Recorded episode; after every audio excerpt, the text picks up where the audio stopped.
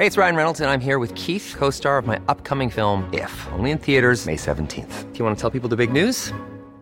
All right, I'll do it. Sign up now and you'll get unlimited for $15 a month in six months of Paramount Plus Essential Plan on us. Mintmobile.com slash switch.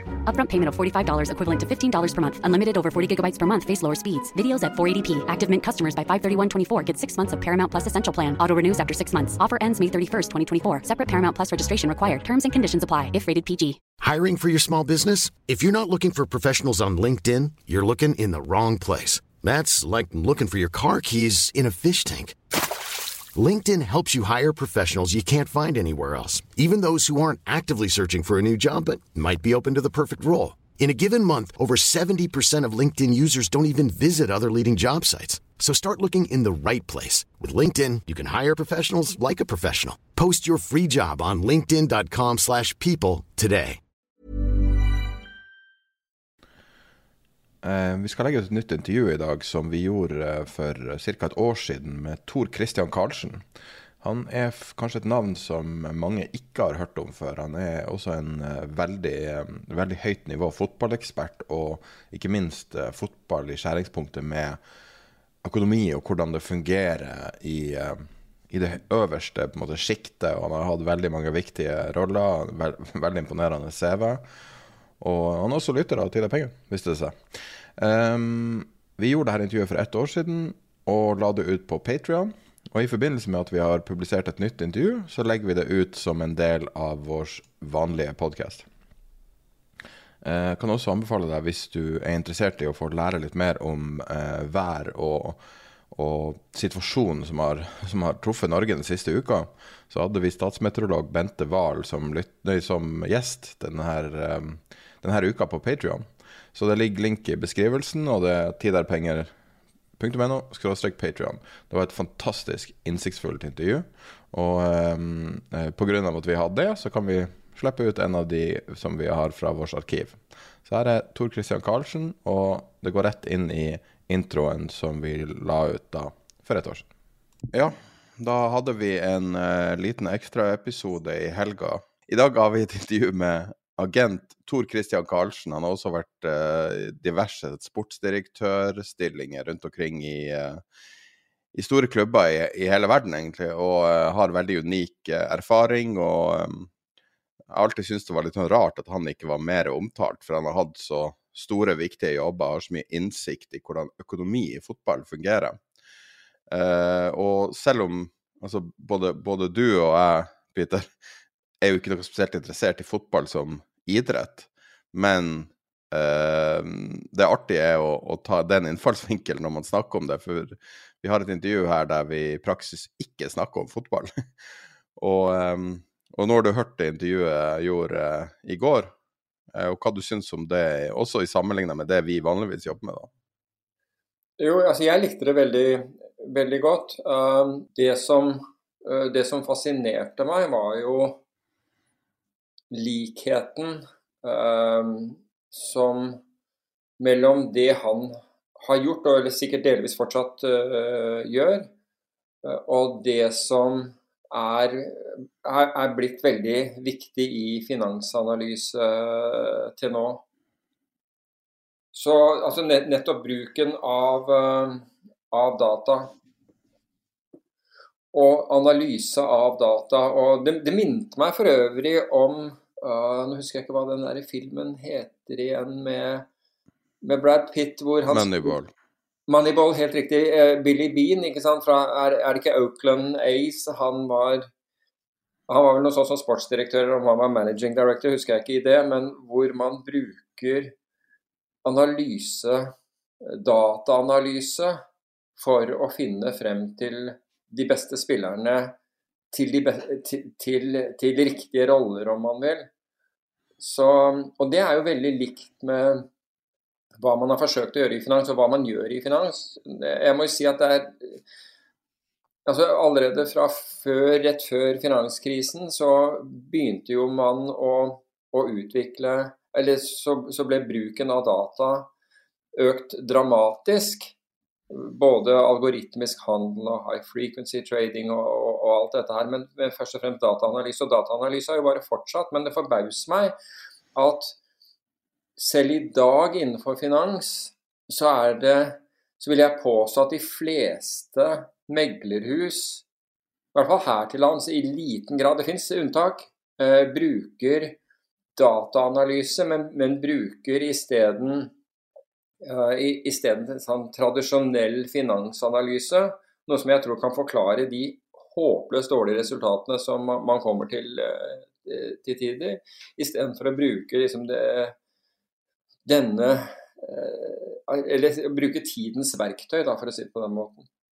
Ja, og um, det jeg syns er, er, veldig spennende med å få hel, et helt nytt fagfelt, er at vi eh, Vi som Altså, vi forsøker jo å lære nye ting hele tida, og, og, det var det, eh, det som var liksom, ambisjonen med å snakke nettopp med Tor Christian.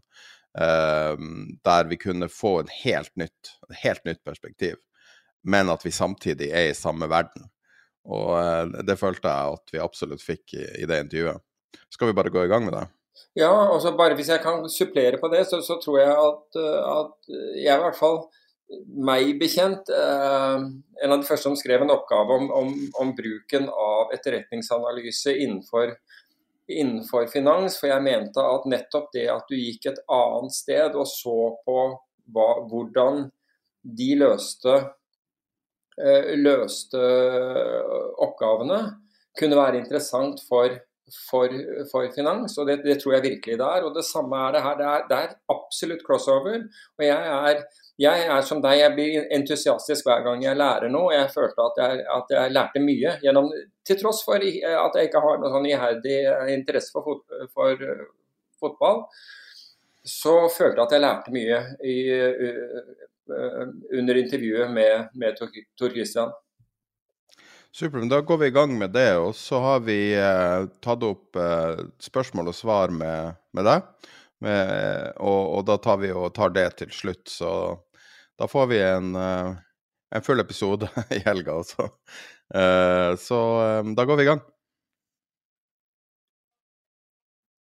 Så du har en eh, CV som jeg fant deg på Transfermarkt. Er ikke det sånn her litt sånn semioffisielt nettsted? Jo, den kan man eh, stole på. De går ja. ting i sømmene. Og der, eh, og, og der, fant jeg deg. Og du har vært i masse internasjonale klubber, og det kulminerte med Jeg vet ikke hva det kulminerte med, for du har hatt store stillinger i en rekke klubber. Kan du forklare hvordan, hvordan denne karrieren ble til?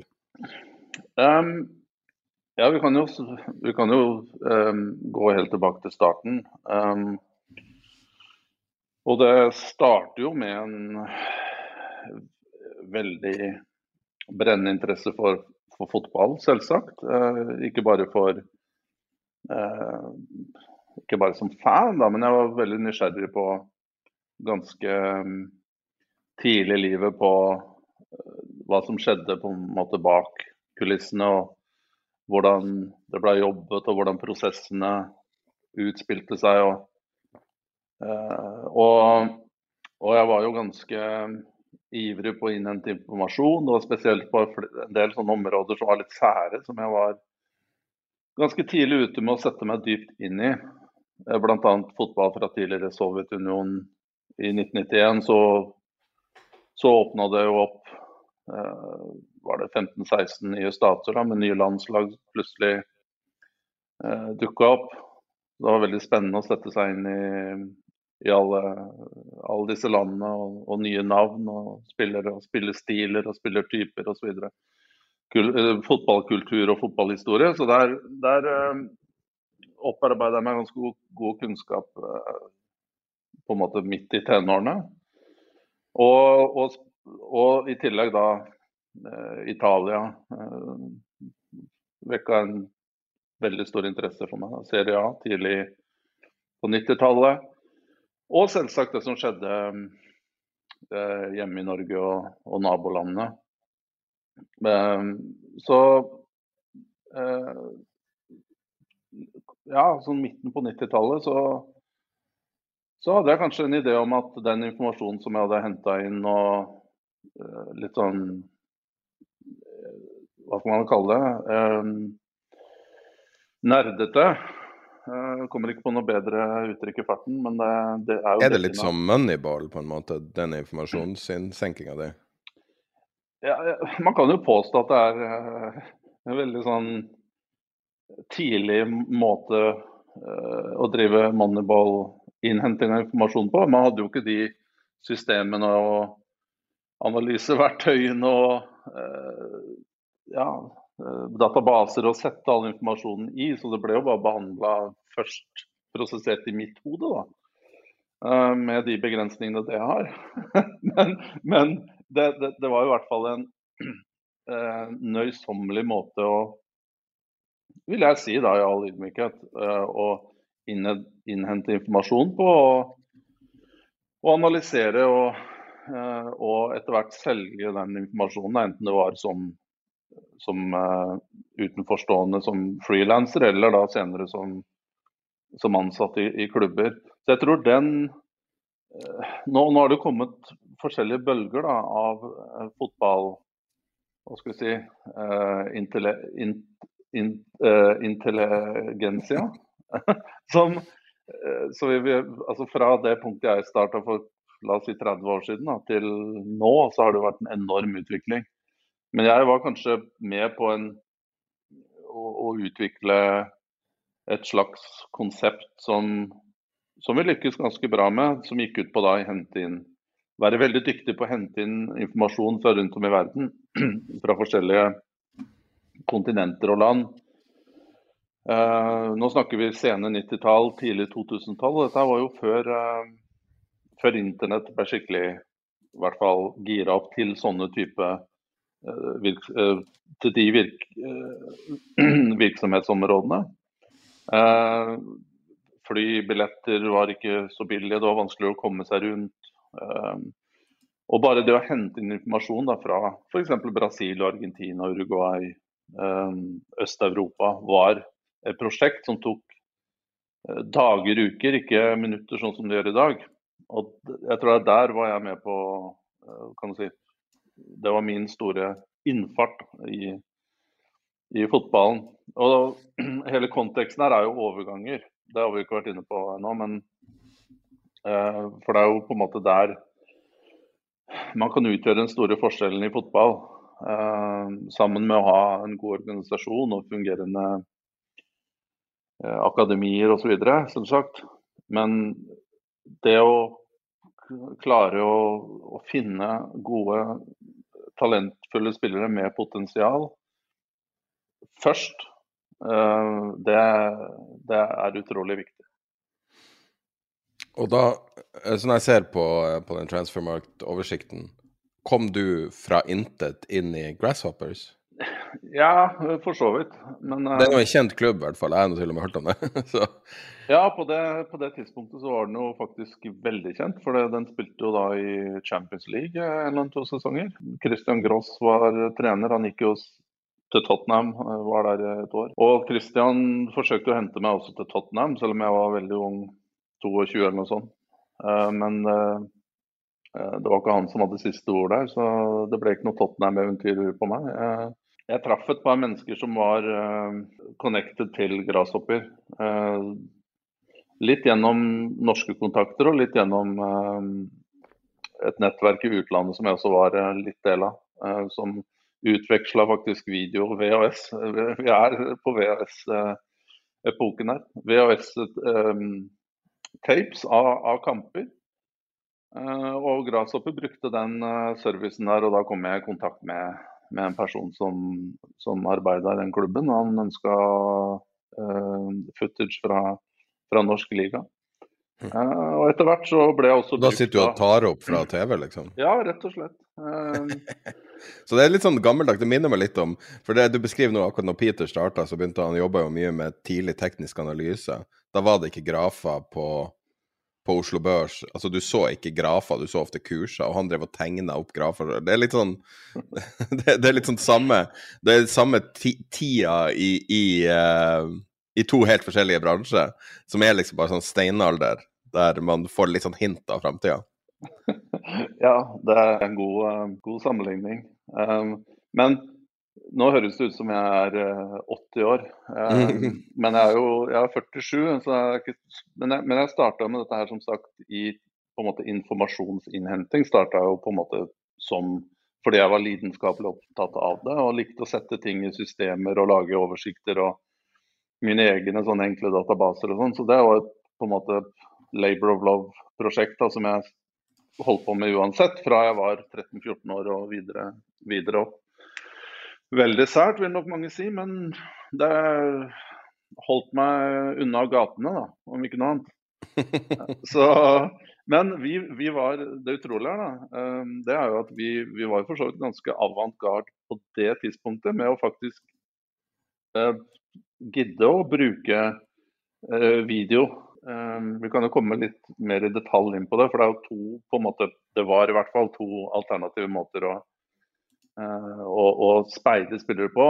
En av er mer proaktiv måten, at du på en måte tar kontroll over speiding selv og går ut og velger hvilke marked du skal se på spillere, aldersgrupper, og at du har en åpen search. Og det andre er jo å gjøre mye av, la agenter gjøre mye av eh, jobben for deg, og egentlig bare ta imot det som kommer inn. da, Grovt sett. Og så er det på en måte også hybridvarianter av dette her. Men på 90-tallet og godt stykke inn på 2000-tallet eh, så var eh, så var det veldig få eh, klubber som egentlig tok hånd om dette her selv. De fleste var avhengige av agenter til å, til å mm, tilby informasjon og hjelpe dem. Og det jeg kunne se ganske tidlig, det var jo at den informasjonen som kom inn, ikke var veldig sjelden, vil jeg si, korrekt. Fordi på det tidspunktet så var det veldig vanskelig å til å faktisk kryssjekke informasjon selv. Sånne ting som antall landskamper og kamper spilt fra start. Eh, karriere, altså CV, som er veldig, eh, veldig viktig, var vanskelig å få, få, få, oversikt over. Og for yngre lyttere så ville dette her komme som et sjokk, for i dag så er det liksom ett sekund, så har du jo full historikk på absolutt alt. Men eh, i som sagt 25 år siden så var det et ganske omfattende arbeid. Bare å klare å finne en helt eh, klar oversikt over bakgrunnen til spillere. Og agenter ville jo da pynte på CV-ene, og kanskje til og med når de sendte VHS-er, så ville de OK, la oss si en spiller spilte bra i minutter, 89 minutter, og han gjorde en stor feil i, i, i det siste minuttet, 90., så var det jo, hendte jo at den uh, sekvensen der uh, var borte. Eh, hvis du ikke visste bedre, da. Og kanskje noen hadde slutta å uansett orka å sitte gjennom, se gjennom hele. fordi mye av det som kom, var også highlights-videoer, da. Med bare klipp. Så det å klare å Med flere forsto ganske tidlig det var at måte man må, man må jobbe og ta dette her, hånd om dette selv og ta det in-house. Og uh, selvsagt um, legge mer ressurser i det. Og der var jeg veldig heldig som etter hvert også fikk muligheten til å være med å bygge opp organisasjoner og få fantastiske muligheter til å, til å implementere alle disse tingene. Um, og så var det jo et annet, annet um, annen oppside her. Jeg jeg flytta jo til England da i 96. Um, og hadde jo bare dette frilans uh, litt sånn små frilansoppdrag eh, som bakgrunn. Men jeg var heldig da som kom eh, Fikk en mulighet hos eh, Watford. Eh, den klubben på det tidspunktet var jo på tredje nivå. Og, og mange av lytterne ville jo kjenne til Graham Taylor. Eh, var jo en gang ble jo latterliggjort, eh, spesielt etter tapet mot Norge på Ullevål. var vel i 92 eller 91. Eh, da, da, Norge vant 2-0, var det vel. Eh, og han ble jo totalt slakta av engelske medier og, og, og ydmyka som ingen andre har blitt. Men han var i hvert fall en helt fantastisk person som uh, ga meg en mulighet. Altså, jeg var jo nobody som bare på en måte dukka opp på treningsfeltet og forsøkte å få fem minutter til å overbevise at jeg kunne være til, til hjelp. Um, og det viste seg at Graham Taylor var veldig var veldig opptatt i en positiv forstand av norske spillere og skandinaviske spillere. Uh, og Det visste jeg jo også på forhånd, så jeg, min på en måte inngang der da, var jo å tilby hjelp til å kartlegge spillere bedre. og Kunne også flagge opp spillere på en annen måte, uh, som kanskje ikke agenter kunne gjøre. For de satt jo på sine egne staller med spillere som, som, som de promoterte, uavhengig om de var gode nok eller ikke. da. Men var det veldig uvitenskapelig da, når du sier det er så dårlig datagrunnlag, det er dårlig alt. Var det noe Altså, hvis du ser 2022 i dag versus da, eh, når man bedømmer spillere For det som er interessant, er jo at man bruker mye mer eh, avansert analyse i mange idretter, i hvert fall, og i mange grener. At man har liksom tatt steget ut av, av eh, Altså, hvis du ser, fotball har jo endra hvordan det ser ut nesten i hele verden. Uh, så det ser ut som at det er mye mer vitenskap og mye mer Det er mye mer cutting edge nå enn det var, eller er det en illusjon?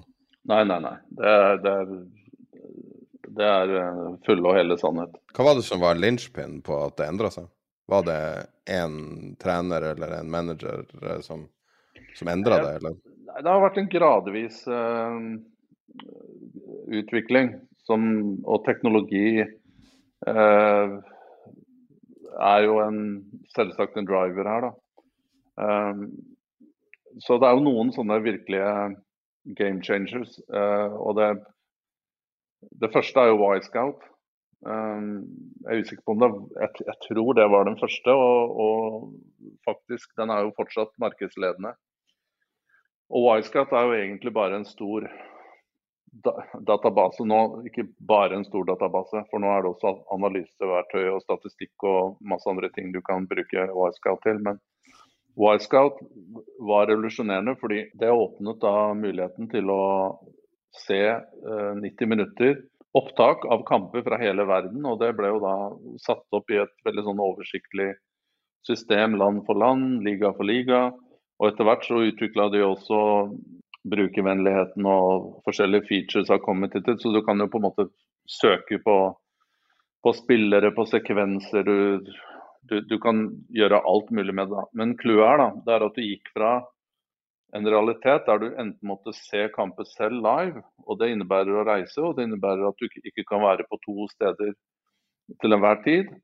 Um, og hvis du ikke på, kan være på to steder til ett og samme tidspunkt, så må du ha flere scouts. Det koster mer penger. Og det er eh, selvsagt langt mer kostnadsbesparende til å, til å få alt av, av, kamper presentert på online.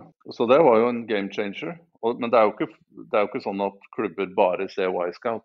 Eh, men de fleste bruker det jo til en eh, preliminær søken. Eh, og mye av det som eh, Eller alt av det som gjøres analyse og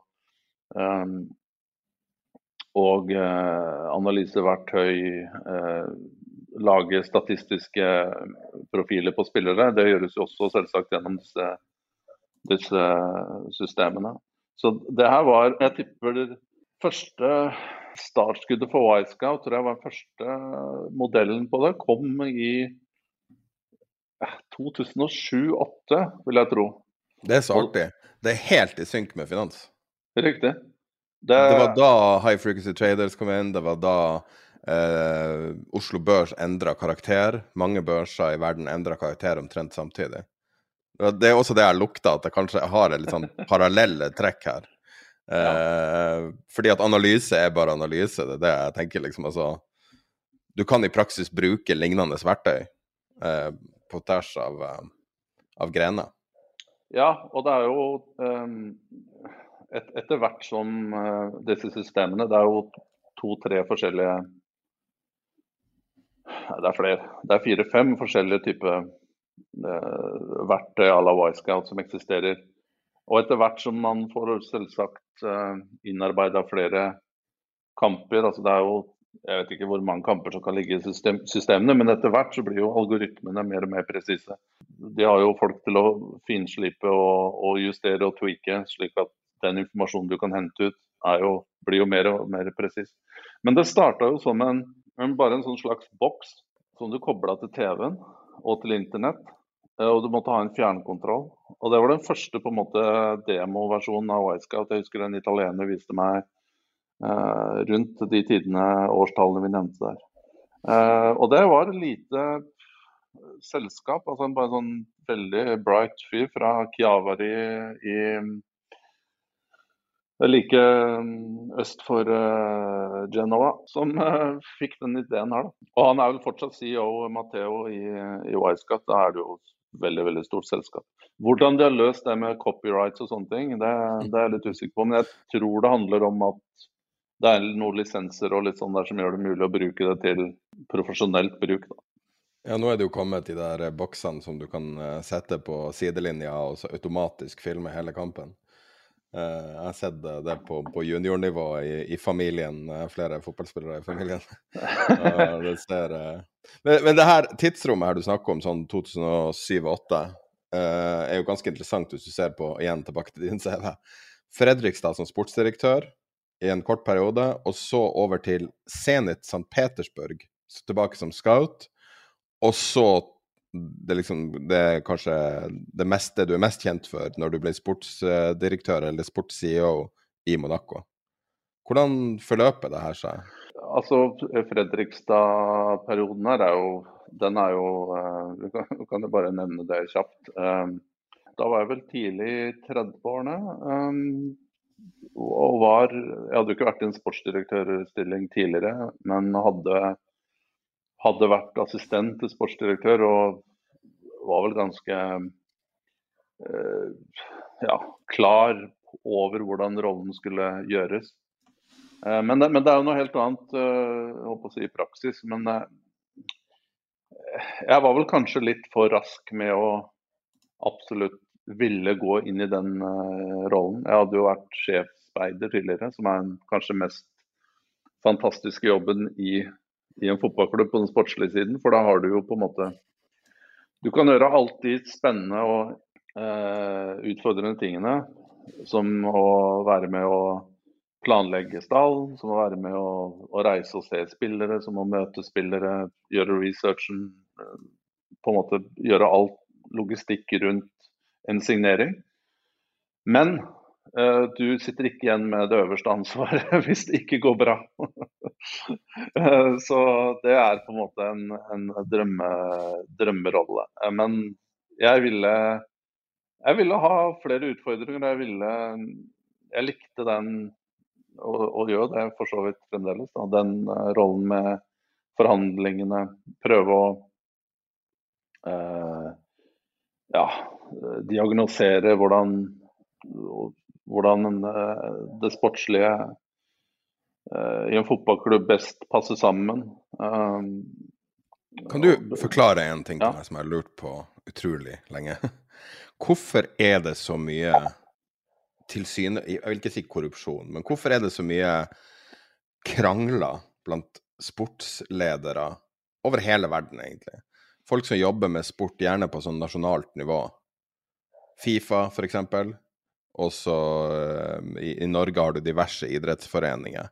Og det er så mye krangel som oppstår på administrasjonssida. Er det en grunn til det her? ja, det var et veldig eh, Det var et veldig godt spørsmål. Eh, jeg kan jo hoppe ut i det og kanskje prøve meg på forklaring at fotball og idrett, det, det, er jo folk med engasjement. og Nå skal jeg ikke liksom bruke engasjementet på en sånn kommunikasjonsrådgiver-klisjémåte. At alt er på en måte alt er engasjement, enten det er liksom folk som mister hodet eller uh, er konstruktiv, så er alt engasjement. Sånn har det blitt. Men det, det er kanskje temperamentsfullte mennesker som, uh, og, som brenner veldig for disse klubbene. Da. Eh, og bruker mange, mange, arbeidstimer i døgnet på det og legger igjen mye av sin egen sjel.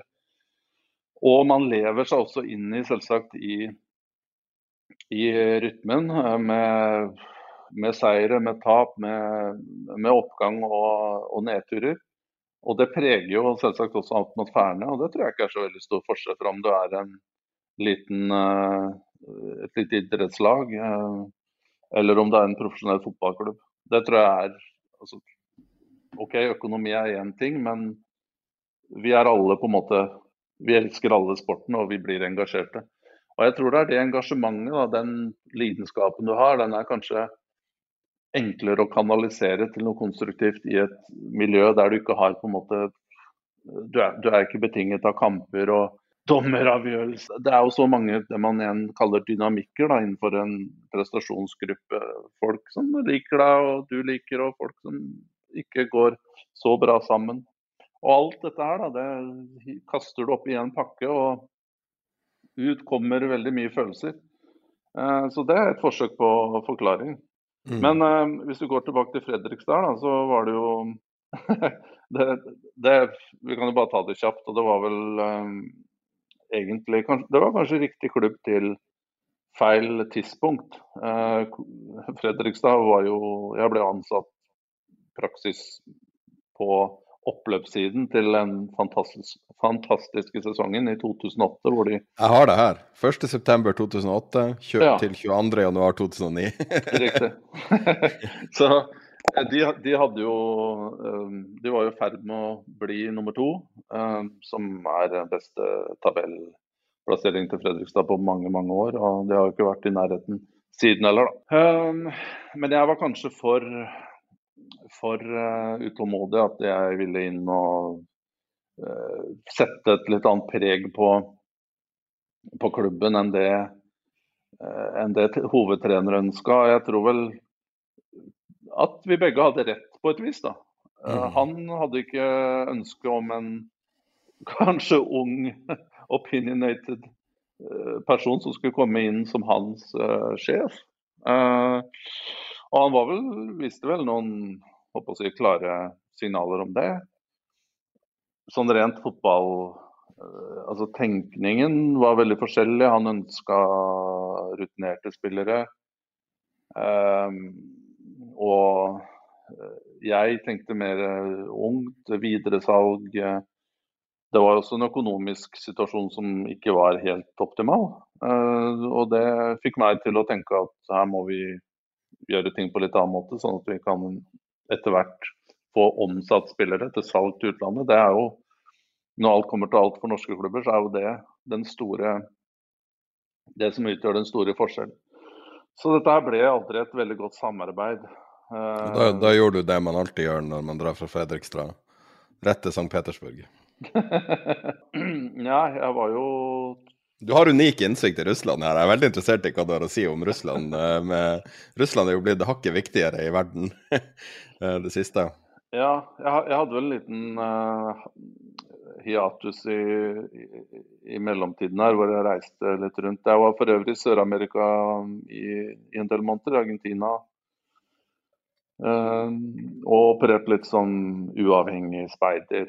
Uh, pluss at jeg ja, brukte tiden til å ja, lære å sette meg inn i ting om, spesielt om søramerikansk fotball og spillere osv. der. Uh, men jeg fikk da tilbud, det var vel høsten 2011, tror jeg. 2010 var det muligens. Og å bli med i et team, uh, speiderteam i St. Petersburg. Det var jo italiensk trener som, og en italiensk sjefspeider som jobba veldig tett. Treneren er i dag en veldig dyktig mann som heter Luciano Spalletti, som sikkert mange har hørt om. Og han er jo nå jo med Napoli i, i Serie A. Og de trengte da en person til å til å dekke eh,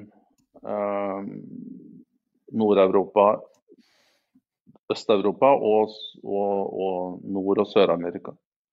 Så det var mitt oppdrag.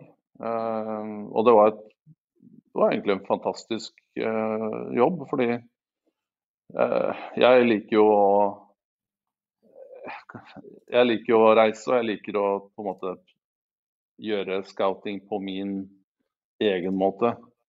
Jeg selv i dag jeg også, bruker også Analytics og ser veldig mye på tall. Jeg syns det er spennende, men jeg mener jo den virkelige scoutingen, det er jo at du må være til stede. Du må se spillerne på trening. Du må gjerne observere dem i, i, i forskjellige settinger. opp, snakke med folk, ta referanse på spillerne og se dem selvsagt i kamp. For å bygge en helt komplett profil. Da. Ikke bare se på, på kolonnene på skjermen. Eh, så det fikk jeg muligheten til å, til å, gjøre med Zenit. Og jeg hadde vel gått Jobba du ut fra Russland da, eller jobba du fra Nei, jeg, jeg, var basert i London. Men vi jo, var jo en del i, i St. Petersburg og eh, hadde møter og var litt rundt laget og sånn. og Syns du det var en proff, altså var det proft i Russland, eller? For man har jo liksom noe inntrykk av at Russland er et så utrolig dysfunksjonelt samfunn. Merka du hint av det allerede da? Jeg, jeg har jo hatt uh, for så vidt interesse, eller interessert meg for uh, tidligere Sovjetunionen og, og, Russland for så vidt hele mitt voksne liv. Så jeg visste jo litt hva jeg kom til. Men det unike, da, og i dag så er det jo på en måte med litt sånn blanda følelser. Man konstaterer at den klubben som jeg jobbet for der, Zenit, var jo eid av Gazprom. Akkurat det. Jesus. Ja, og det er jo, og det er jo en tradisjon at Så den, den er, jo, jo, er, jo, fra St. Petersburg og, og representerer jo den byen. Og, og jeg tror president Jeg tror, jeg tror Dimitri Dmitrij Med, Medvedev er president i klubben, sånn på papiret nå i dag. Mm. Men uh, det var litt andre tider, da. Um, og jeg kan bare si at uh, det var veldig profesjonelt. Um, nå var det jo uh, Nå var det jo italiensk trener, han styrte veldig mye av det innenfor sportslig avdeling. De hadde vel en nederlender som var, som var um, ansvarlig for akademiet. Og så kom det vel da etter hvert også en tysk, tysk sportsdirektør. Så de har hatt mange utlendinger som har kommet og, uh, og, og, og gjort ting uh, og, styrt. Men um, jeg fikk bare inntrykk av at det var en veldig velfungerende klubb. Godt organisert, dyktige folk i forskjellige roller. Ja. Men, men, jeg på en måte gikk ikke så dypt under, eh, under eh, ja, inn i Materien, liksom? nei. Det, jeg hadde nok med å, å reise rundt uh, verden rundt og se spillere. Jeg hadde vel over 200 reisedøgn, tror jeg, det året der. Og så havna du et sted som jeg har vært i en del. Jeg var en tre-fire uh, år der nede, og du havna i uh, Monaco? Ja, og det var jo gjennom kontakter eh, som eh, Var det etter russere hadde tatt over klubben? Det var, ble ja. Ja, han hadde nettopp uh, Den hadde nettopp skiftet eiere fra, fra fyrsten, mer eller mindre. Da. Den har jo vært i, i landets eie helt siden ja, fra lang, lang tid tilbake i hvert fall. Du vet at Abramovic prøvde å kjøpe den og kjøpte Chelsea? Jeg har hørt rykter om det, men jeg har jo ikke fått det Det er veldig vanskelig hva man skal, hva man skal stole på av sånn type info. Men det kan ja. jo godt, godt, være. Det er jo, en, det er jo ikke bare en eh, eh, fantastisk fotballklubb, men det er også en på en måte Hva skal vi si En eh, privilegert posisjon da, å kunne være stå som eier av, av den eh, klubben der. Men uh, jeg hadde i hvert fall jeg kjente en, eh, en advokat som eh, hadde gode relasjoner til vedkommende, Dmitrij Rubolovlev, som da tok over eh, Monaco. Og han var jo ny til fotball, men jeg tror han hadde et, en tilnærming som gjorde at han ønsket å ja, organisere ting på sin side, det, eller ut fra sin, sin, måte. Og det innebar da at det uh, ble veldig mange forandringer på personer. Ikke bare spillere, men, men uh, ja, medlemmer av organisasjonen da, som, som forsvant. Uh, og jeg kom vel inn ja, et par måneder, kanskje. En etter at de har tatt over. Uh, og det, det, er jo kanskje en av de mest fascinerende tidspunktene å komme inn i en fotballklubb. Det er jo like etter et oppkjøp, fordi da er jo eh, i de fleste tilfeller så, så er jo klubber som blir solgt, eller altså tatt over av nye, det, det, det skjer jo ofte fordi det ikke har gått så veldig bra. Um, og fordi det er gunstig å kjøpe klubber som sliter. Da kan man jo kreve Altså da får du jo en bedre deal, det sier seg jo selv. Um, og de uh, Så du, du, blir jo på en måte kast... Du, eller du hopper det på et tog som er i fart, da. For du, det er jo ikke sånn at alle klubboppkjøp skjer i slutten av mai, sånn at du har hele sommeren til, til å ja, gjøre justeringer og bruke noen uker på å få deg virkelig god oversikt. Men her er du midt i sesong, og du må bare hoppe rett i det.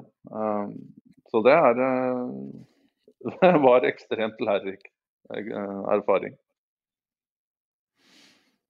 Og så havner du i Israel. Altså, du har virkelig vært Du har virkelig valgt noen interessante hotspots å, å gravitere mot. uh, hva, er, hva, var den største utfordringa med å jobbe i Israel kontra Monaco kontra Russland, altså sånn kulturelt? Um, nei, du kunne like gjerne vært finans, det er det jeg mener. Du kunne, du kunne like gjerne vært i, i uh, eh, UBS eller noe sånt, og så bli sendt rundt til diverse distriktskontorer med diverse dynamikker. Ja, det tror jeg faktisk uh, er helt korrekt. Jeg tror store forskjeller Altså, jeg har jo jeg har jo også jobba i Tyskland en del år, og i, i, i England som sagt. Og, og, og, litt Italia, bare ikke offisielt for klubber. Da. Så jeg, jeg er jo på en måte Du blir jo kjent med, med disse, hva, hva, som kjennetegner de forskjellige kulturene og mentaliteten. Og noe stemmer jo, du kommer jo med visse fordommer. Og, eller at det er ting som fascinerer deg også på en positiv måte. Men noen av dem får du jo føle, føle eh, med full force. Da. Men eh, det kanskje unike med Monaco, da, det er jo at eh, jo, det er, et stort navn, men det er jo og, og, det har mange tilhengere i Frankrike, men det er jo en ganske liten altså I fransk kontekst en ganske liten det er jo ikke som Marseille da, eller Lyon eller PSG, som er på en måte store klubber med, med veldig, veldig, stort press. I Monaco så får du jobbe litt mer i ro. Og, og media de bryr seg heller ikke så fryktelig mye om, om akkurat det som skjer i, i, på, på, kysten der. Og, og, media er jo, som i finans igjen, det er jo det, det, er jo den store X-faktoren som du må forholde deg til. fordi du kan ha veldig gode planer og du kan ha god, uh, god struktur og du kan gjøre alle de riktige grepene. Men i fotball så er det sånn at selv om strategien din er riktig, så er det ikke sånn at den nødvendigvis kicker inn neste uke. Ting må ofte, altså, og i kontekst av eh, klubber som sliter, så er det ofte ganske lange prosesser som du må tørre å stå igjennom med vanskelige grep som, som skal til for å få dette i gang igjen. Og media de er jo ikke sympatetiske til, til det argumentet der. Og det kan jeg også forstå. Um, altså, fordi du går og ser på dette her, og laget gjør det ikke bra. og er, Man taper og taper. Og så. Det er jo klart, etter hvert så blir det sånn comical alley hvor du sier ja, men vi jobber på denne måten. Du må repetere deg selv, og det er en prosess. Mm. og Du blir, du blir politiker til slutt. Da, og til slutt så mister folk litt troa på det, og du får media mot deg. Så på en måte blir det litt selvoppfyllende profeti med, med at også smitter over på organisasjonen. Da. Jeg tipper lytterne forstår hva vi er fram til. Og, og det var den store forskjellen fra Monaco til Um, og for så vidt til en viss grad Frankrike og Israel. For selv og jeg har jo snakket med en del kollegaer i Frankrike, så det er en ganske respektfull tone overfor, overfor fotballklubber. Jeg er litt usikker på om det gjelder i andre deler, om, kanskje ikke med politikere og um, i andre I Israel, tenker du på? Nei, i Frankrike. Men innenfor okay. fotball så er de ganske etterrettelige. Eh, den største sportsavisen der heter jo Le Keep, og den er veldig sånn skal, Du skal sitat sjekke og de holder ikke så mye på med rykter, og de liksom sjekker med deg hele tiden om ja, hvor står vi i forhold til hverandre. og eh, Du kan jobbe og forklare ting til journalistene off the record. og Ikke at du prøver å påvirke dem, men i hvert fall de er lydhøre til din versjon. Eh, men i Israel så er det jo Eh, men, men, Frankrike tror jeg er ganske unikt i den forstand. For det er både i Tyskland, Italia og Jeg tenker på England er jo legendarisk ja, ja. for brutal media innenfor sport. Jo, men der har du jo Jo, det er sant, men til gjengjeld Med, med unntak av sånn super injunction og sånne ting. så, ja. Som er litt spesielt. Men England, ja. Men, eh, men i Israel så var det kanskje Det var liksom England turbocharge, da. Ja. Fordi det, det handler nok litt om Eh, nå, nå, endte jo jeg opp i Makabi Haifa, som er den desidert største klubben i Israel. Det er litt som Rosenborg i Norge.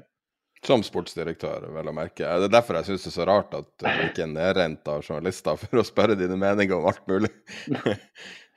ja, ja, ja, jeg får jo muligheten nå da. Eh, men eh, det um, Så hva gjør, en, hva, gjør en, sportsdirektør?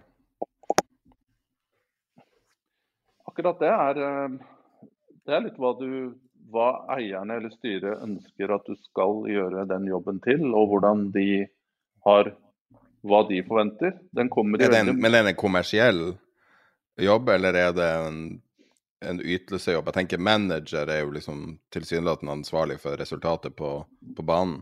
Ja. En sportsdirektør ett hakk over det, at man hele organisasjonen eller noe sånt?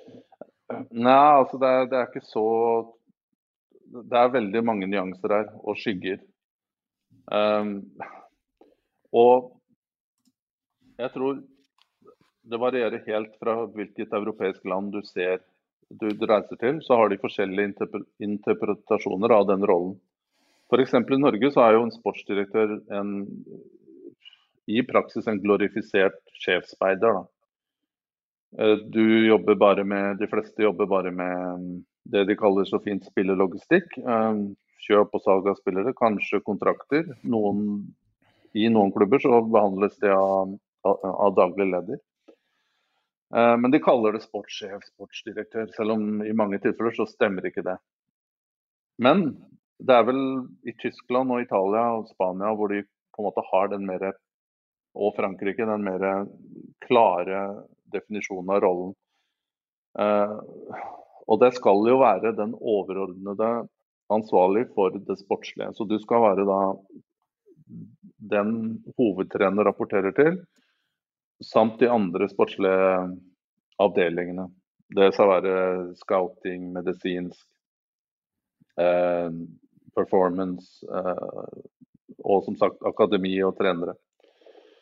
Eh, og oppgaven til sportsdirektør eh, skal jo være å flette sammen dette. Og klare å binde sammen til en på en måte holistisk eh, pakke da, med en grunnleggende filosofi er best, selvsagt, å ha i bunnen. Og, og klare å bygge ut ifra det. Men dette er teorien. Og i praksis er det og noen har jo klart det, fordi de starta med dette her så, for så lenge siden. F.eks. Ajax, da, som, er, som er beste eksempelet. Som har en veldig klar filosofi som går tilbake til holdt på å si 60-tallet, 60 70-tallet. Hvor da all metodologi og måten man jobber på, det, det er top down fra holdt på å si, forankra i hele klubben. Så de spillerne som da kommer fra akademiet, de kan alt. Ja, eller altså de, de kommer fra en lignende filosofi som er implementert på, på A-laget. Så det er en klar løype. Er det hemmeligheten til Zlatan? Eller var han stjerne lenge før? Jeg har sett det der gamle klippet når han angivelig det første videoklippet av han, når han uh, scorer og roper 'Zlatan, Zlatan, Zlatan'. uh, jeg vet ikke om det var før uh, han var i Ajax, eller Men er det var det hans på en måte hemmelighet? Jeg bare tenker på hvem jeg vet om fra Ajax. Ja, nei, han, han, han var jo ikke et produkt fra Ajax, han ble jo kjøpt fra Malmö. Ja. Uh, og han, han, er vel om noe annet på en måte litt sånn atypisk da, til, til, til Ajax-modellen. Men, men det er der Ajax sliter bitte litt. Det å klare å hente inn spillere som kommer fra utenfra, og klare å få dem til å fungere innenfor sitt, sitt område. Men nå blir det veldig, um, veldig teknisk, da. Um, jo, men teknisk er artig.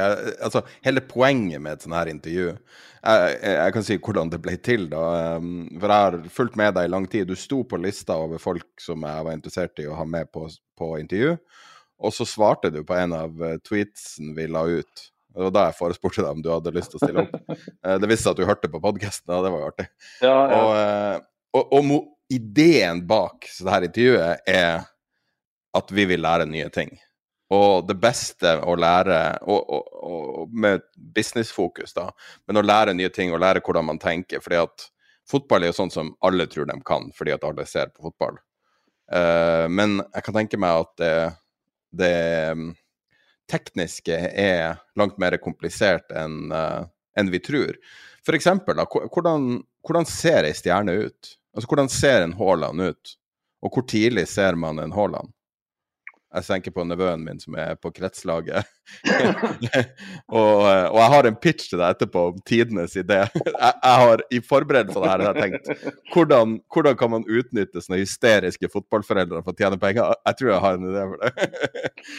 Men hvordan ser man ei stjerne? Hvordan ser en Haaland ut når du er den første som ser han?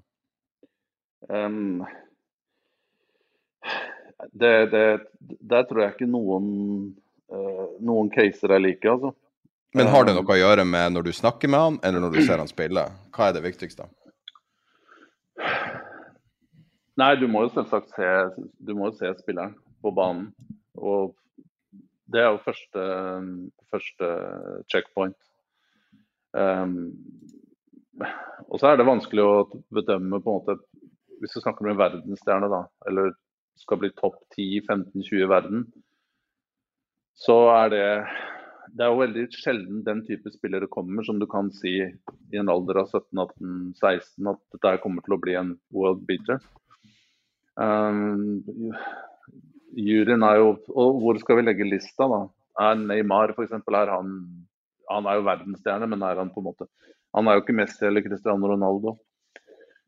Det ble kanskje litt Nå legger jeg lista kanskje litt, litt høyt her, da. uh, hvis Neymar ikke men, men, Tredje dyreste spilleren ever, eller noe sånt. ja, men det, men det, leder meg til um, dit jeg skulle. At jeg så jo han da han var uh, 17-18. Uh, Neymar? ja, på aldersbestemte ja. landslag i Brasil.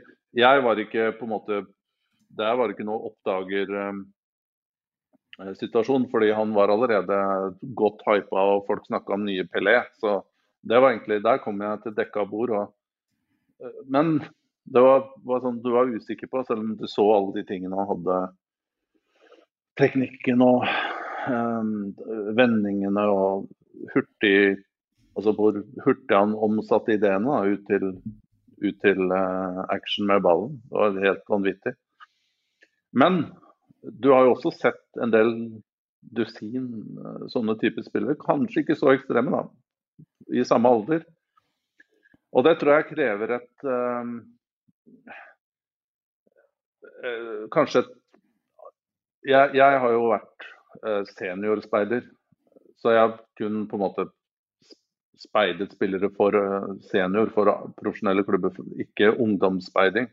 Og det er en litt annen type remit, vil jeg påstå. Men ingen, selv på disse turene hvor jeg har vært på eh, reist sammen med eh, profilerte speidere fra toppklubber i Europa.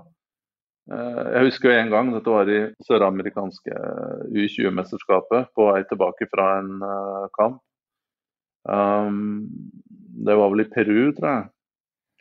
Og da satt jeg i en bil med en representant fra en, en veldig stor spansk klubb og en portugisisk klubb. Og, de, og hvorfor de begynte å krangle om dette her, det er jo uvisst.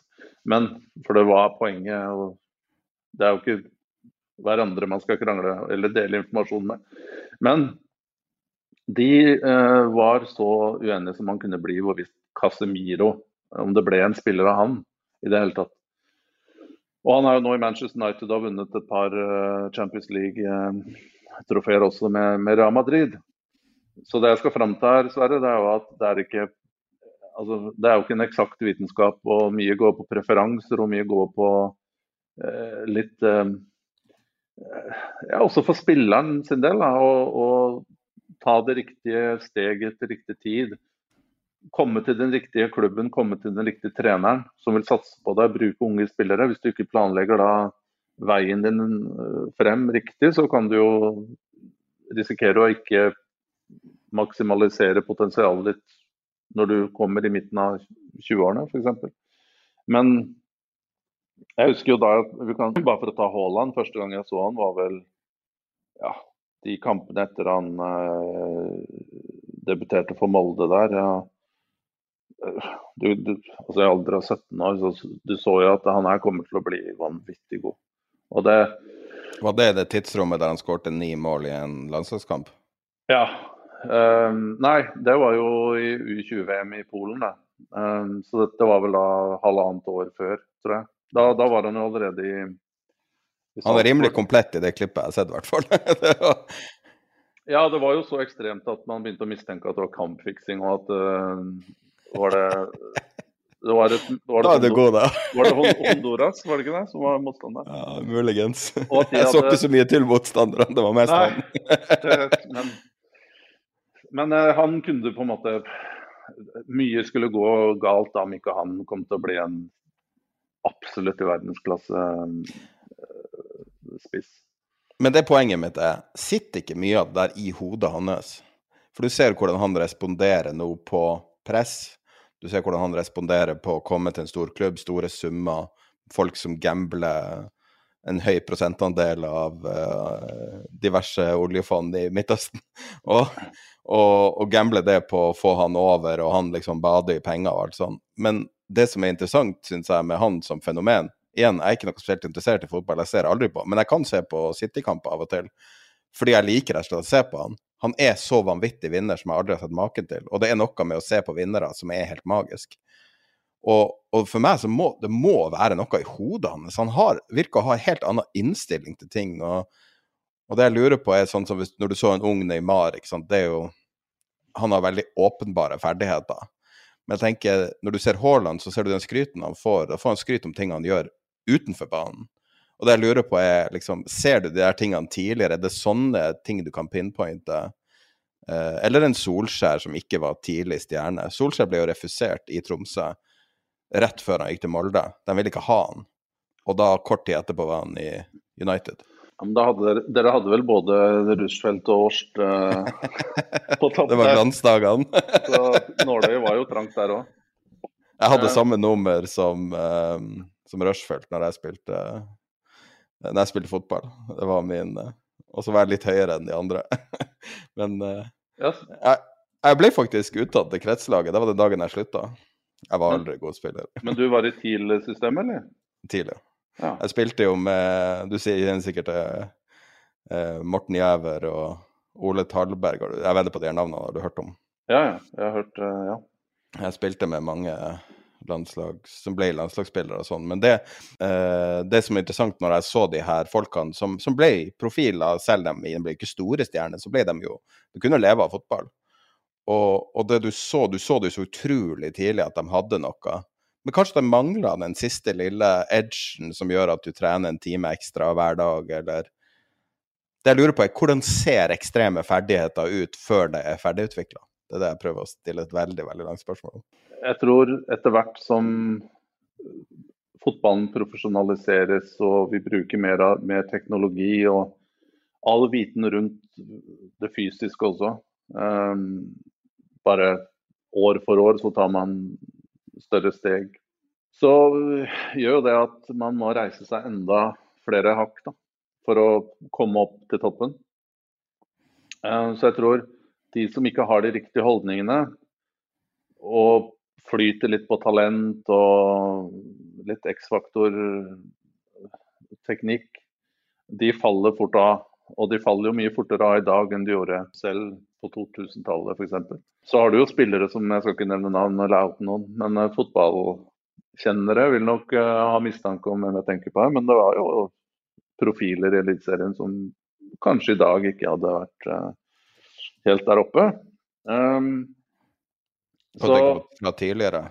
Ja, fra 2000-tallet. Um, ja. Og Poenget mitt er at de kravene som stilles i dag, på det fysiske og på ernæring og på søvn og alle disse liksom, Der du kan hente inn prosenter, ekstra, ekstra gains, um, det oppdages hele tiden. Du må også være interessert i ja, bruke hjernen. da. Uh, man ser jo, man, nå har jo, Det er jo flere landslagsprofiler som bruker VR til å trene opp um, persepsjon og wow. trene opp blikket og oppfatte situasjoner raskere. Og, altså, bare for å vinne noen, Ikke bare for, men for å vinne små marginer her og der. og det er klart Hvis du ikke det er sånne ting som man har sett i Formel 1, at folk tre, altså, tri, trimmer opp i, før start med sånne baller og sånne ting. At uh, trimmer opp reaksjonsevnen. Er det sånne type ting? Ja,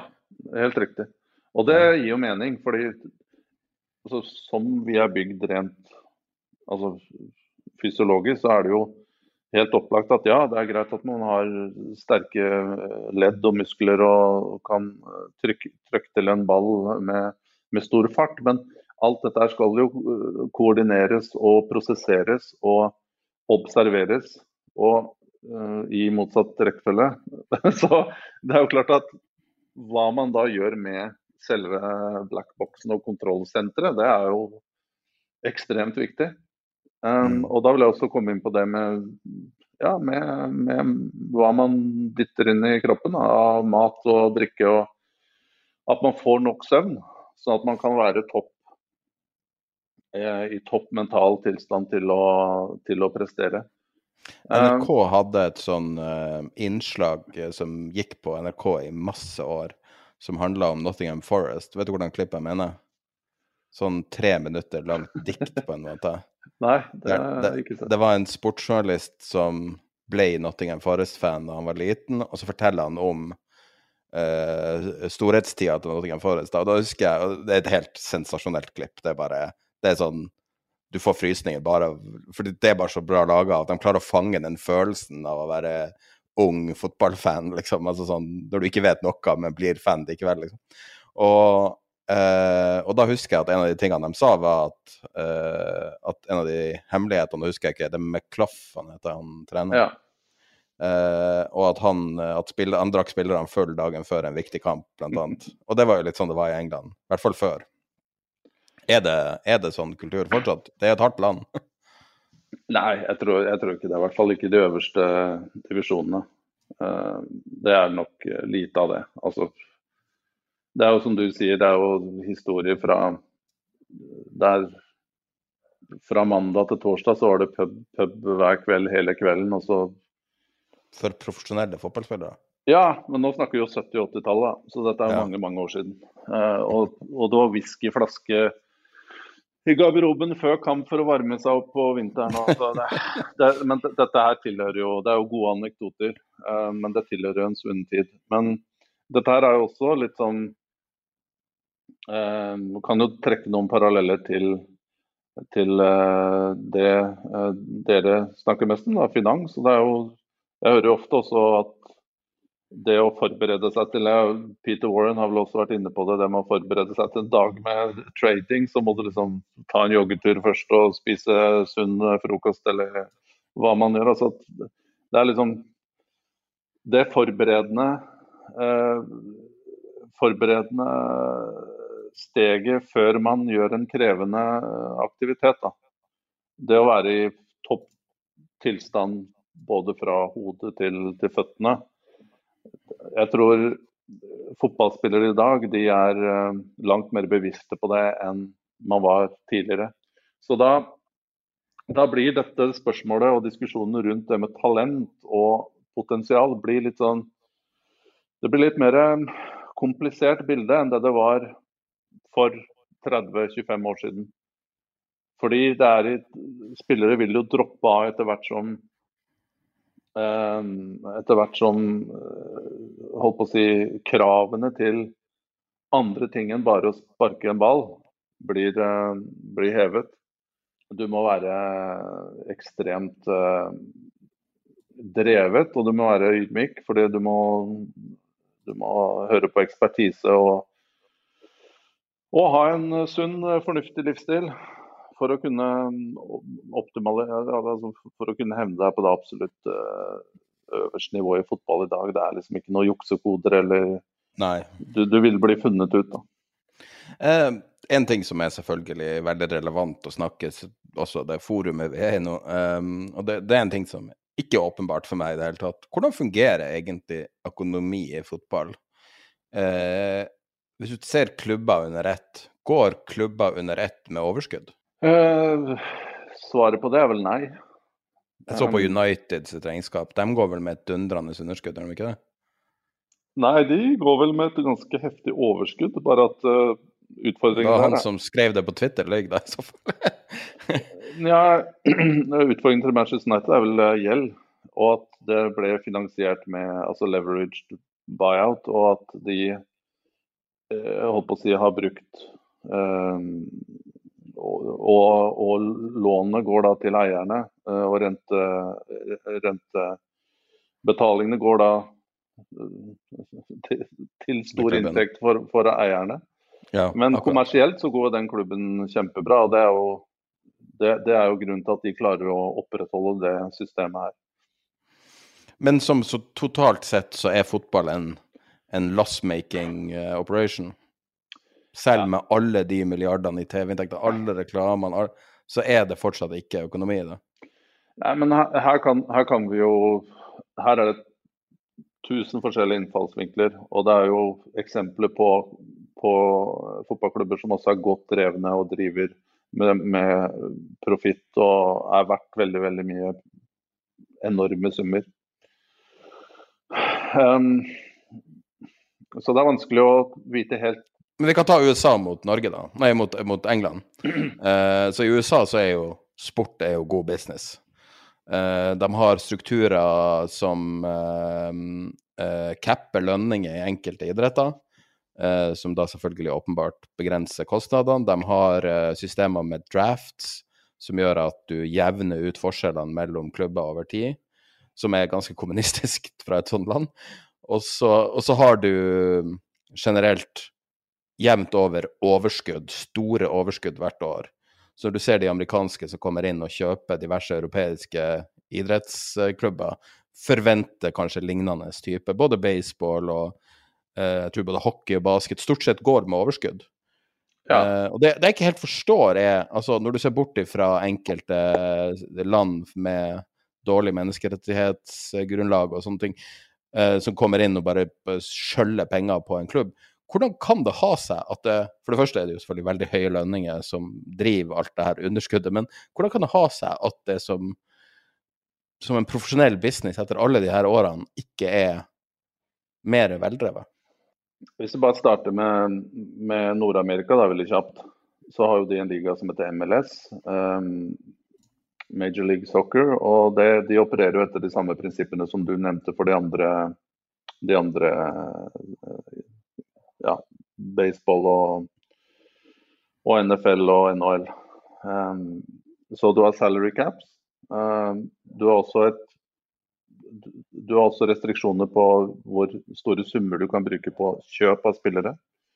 Um, men kanskje det viktigste er da, så har du jo Det er ikke nedrykk. Så du kan ikke forsvinne ut av ligaen. Med mindre du ønsker å legge ned. Um, så det gjør det jo på en måte at det blir et lukka system. Um, med ganske like budsjetter og ganske like si, handlingsrammer. Og det er ikke så enkelt å kanskje gjøre et lag til et mye bedre lag enn de andre. Du må være veldig god til å treffe på de riktige utlendingene bl.a. For det er jo stort sett utlendinger som den, utgjør den store forskjellen. Selv om det er i ferd med å forandre seg litt nå. USA produserer jo, og Canada um, produserer jo veldig gode spillere nå. Så det er jo på en måte sitt eget system som er litt sånn planøkonomisk, som de har designa Det var USA. Men hvis du bare hopper til Europa, da, så må vi jo bare konstatere et par ting først som grunnleggende fakta. Hvis du ser f.eks. i Tyskland, eh, så går eh, de fleste klubbene med overskudd.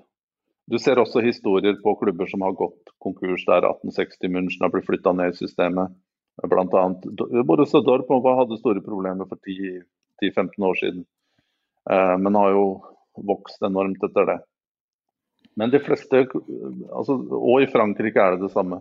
Og Fellesnevneren her da, det er at begge de liga, ligaene har ganske rigide systemer på hva som kan, altså på budsjettene. Eh, klubbbudsjettene må eh, godkjennes, og de, må, de, blir fulgt opp veldig veldig eh, etterrettelig på bruk. Da. Og, så det gjør at man ikke ser disse si, enorme summene brukt. Ok, Nå er jo PSG og uh, unntaket som bekrefter reglene, her, da, som har blitt kjøpt opp av, av Qatar sin Sovereign Wealth Fund. Men, men, men, i de to landene så drives fotballen for så vidt ganske, ganske ansvarlig.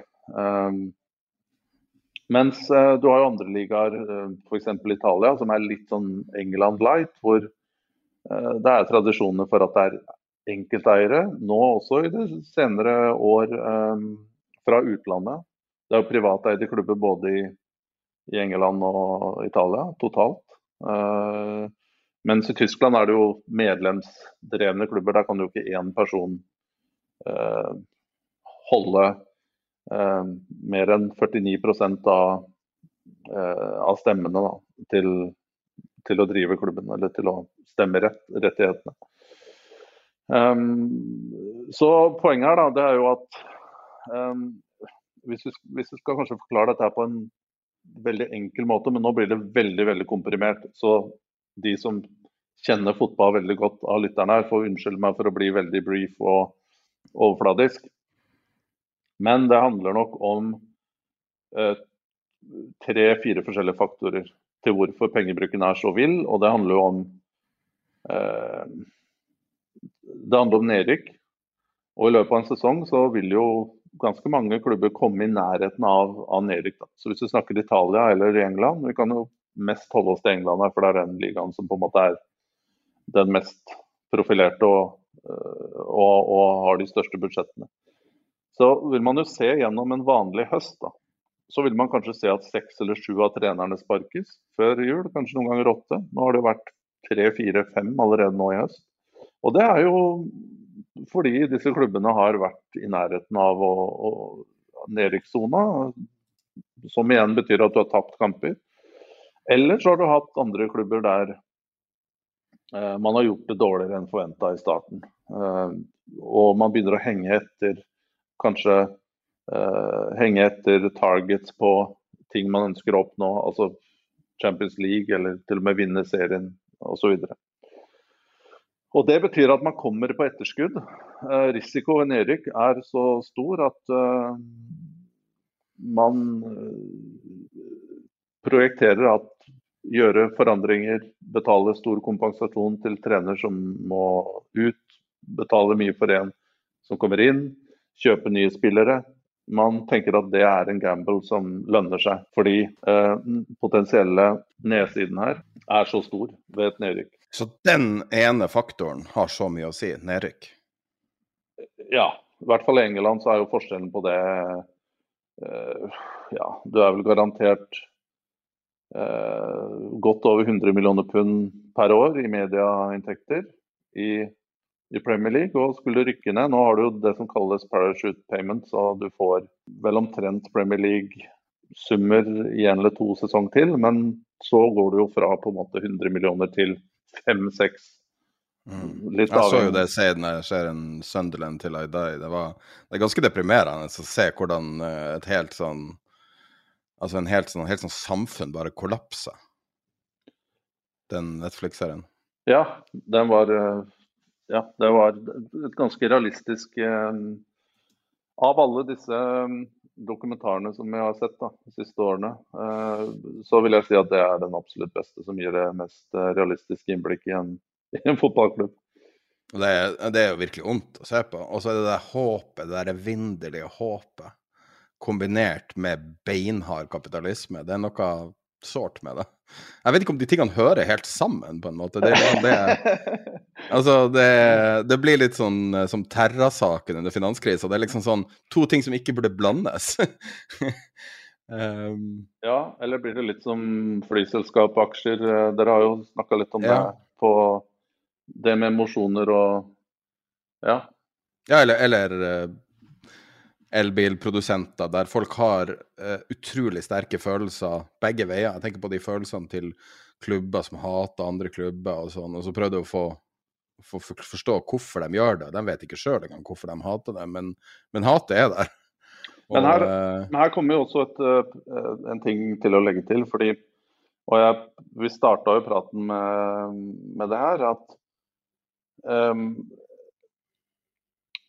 disse altså, disse store klubbene både i England og Italia og for så vidt det vi skal ha Frankrike og Spania, det, de eies jo, driftes og ledes av store, eh, store mm, forretningsmenn og -kvinner som har tjent enorme formuer på, på, på sine business. Altså, det kan jo være fra alt mulig forskjellig.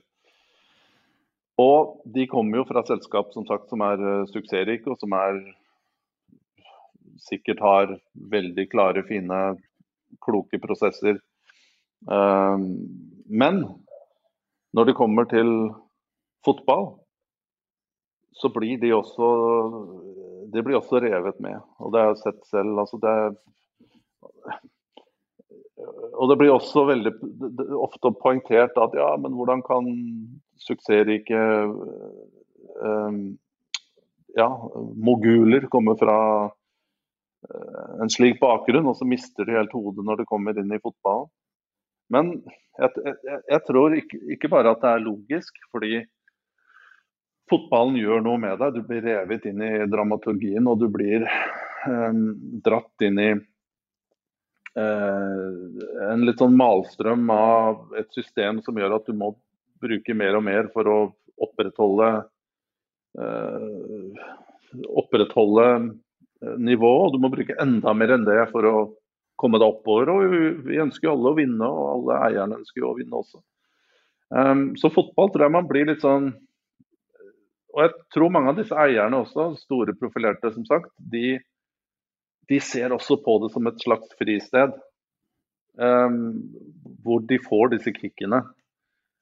Så det handler jo om at de også er mennesker og eh, er fotball og blir fotballfans. Det er, det er jo ikke så mm. spennende å være på en kvartal. Men det illustrerer jo hvor farlig det er å bytte og, og blande hobby med penger.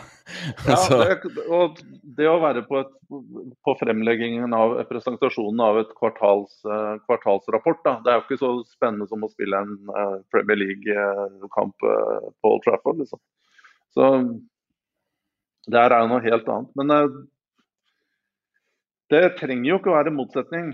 Og man ser jo, uh, det jeg vil føye til her, da, det er jo at man ser i dag at um, det kan driftes bedre. Og det, det brukes mer sofistikerte metoder. Og man har dyktigere mennesker i dag til å lede fotballklubber enn det man kanskje hadde tidligere.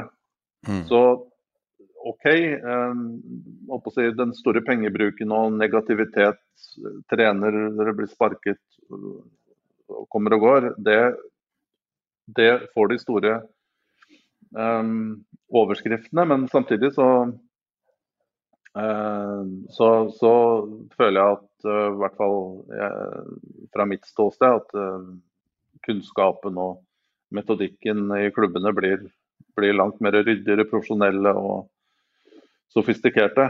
Og til slutt, da, så er det jo, det er jo på en måte zero sum game. Så noen til enhver tid må være suksessrike, og noen til enhver tid må gjøre det dårlig. Der du er i konkurranse med andre som også jobber veldig godt og er, ønsker å vinne kamper. Og, så det blir veldig synlig um, altså, som jeg også sa tidligere, du kan ha en veldig god plan, og du kan um, eksekutere den bra, uh, implementere den bra, og ha veldig gode prinsipper, men resultatene er kanskje De kommer om seks måneder, de kommer om 18 måneder, de kommer kanskje om to år. Men og, omstendighetene Det er supportere, det er media, det er ja, de rundt. da, De lar deg ikke få, mm. få fullføre dette. her da, Det er den veldig spesielle mekanismen med fotball. og Det må du, det krever jo enormt også å for så vidt å, å, stå i en sånn type setting. For det er veldig spesielt.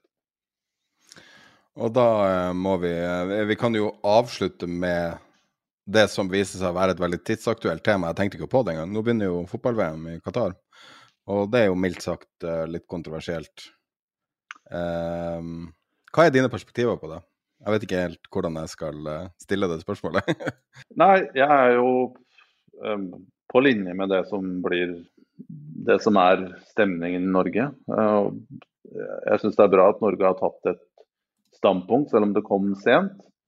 Um, jeg syns jo vi burde ha vært enda klarere i vår posisjon mot Eh, beslutningen om å gi VM til Qatar. Den beslutningen ble jo tatt i 2010.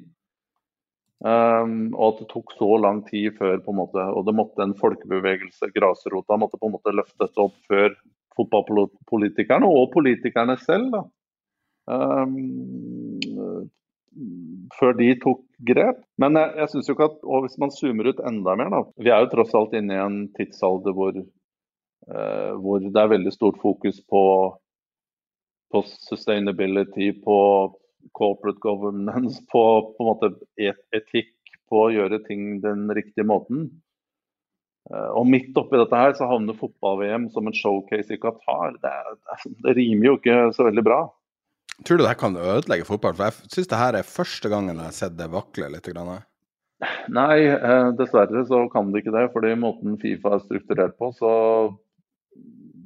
det hjelper ikke om om så hele Europa, hele Uefa, med hvor mange nasjoner er det? 50 eller 54 eller 55 eller noen og 50, tror jeg.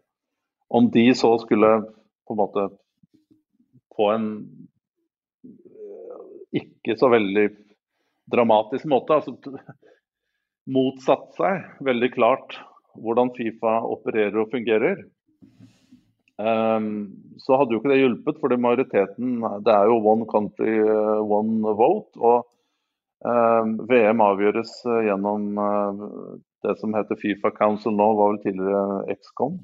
Hvor det er 37 medlemmer, tror jeg, som da stemmes inn gjennom disse medlemsstatene. Så det er klart, når Tyskland og Frankrike og ja, Norge har like mange stemmer og veier like tomt som uh, som land med veldig Som kommer noen hundre plasser lenger ned på Transparency International sin korrupsjonsliste, så er det jo klart at vi har et veldig veldig stort strukturelt problem.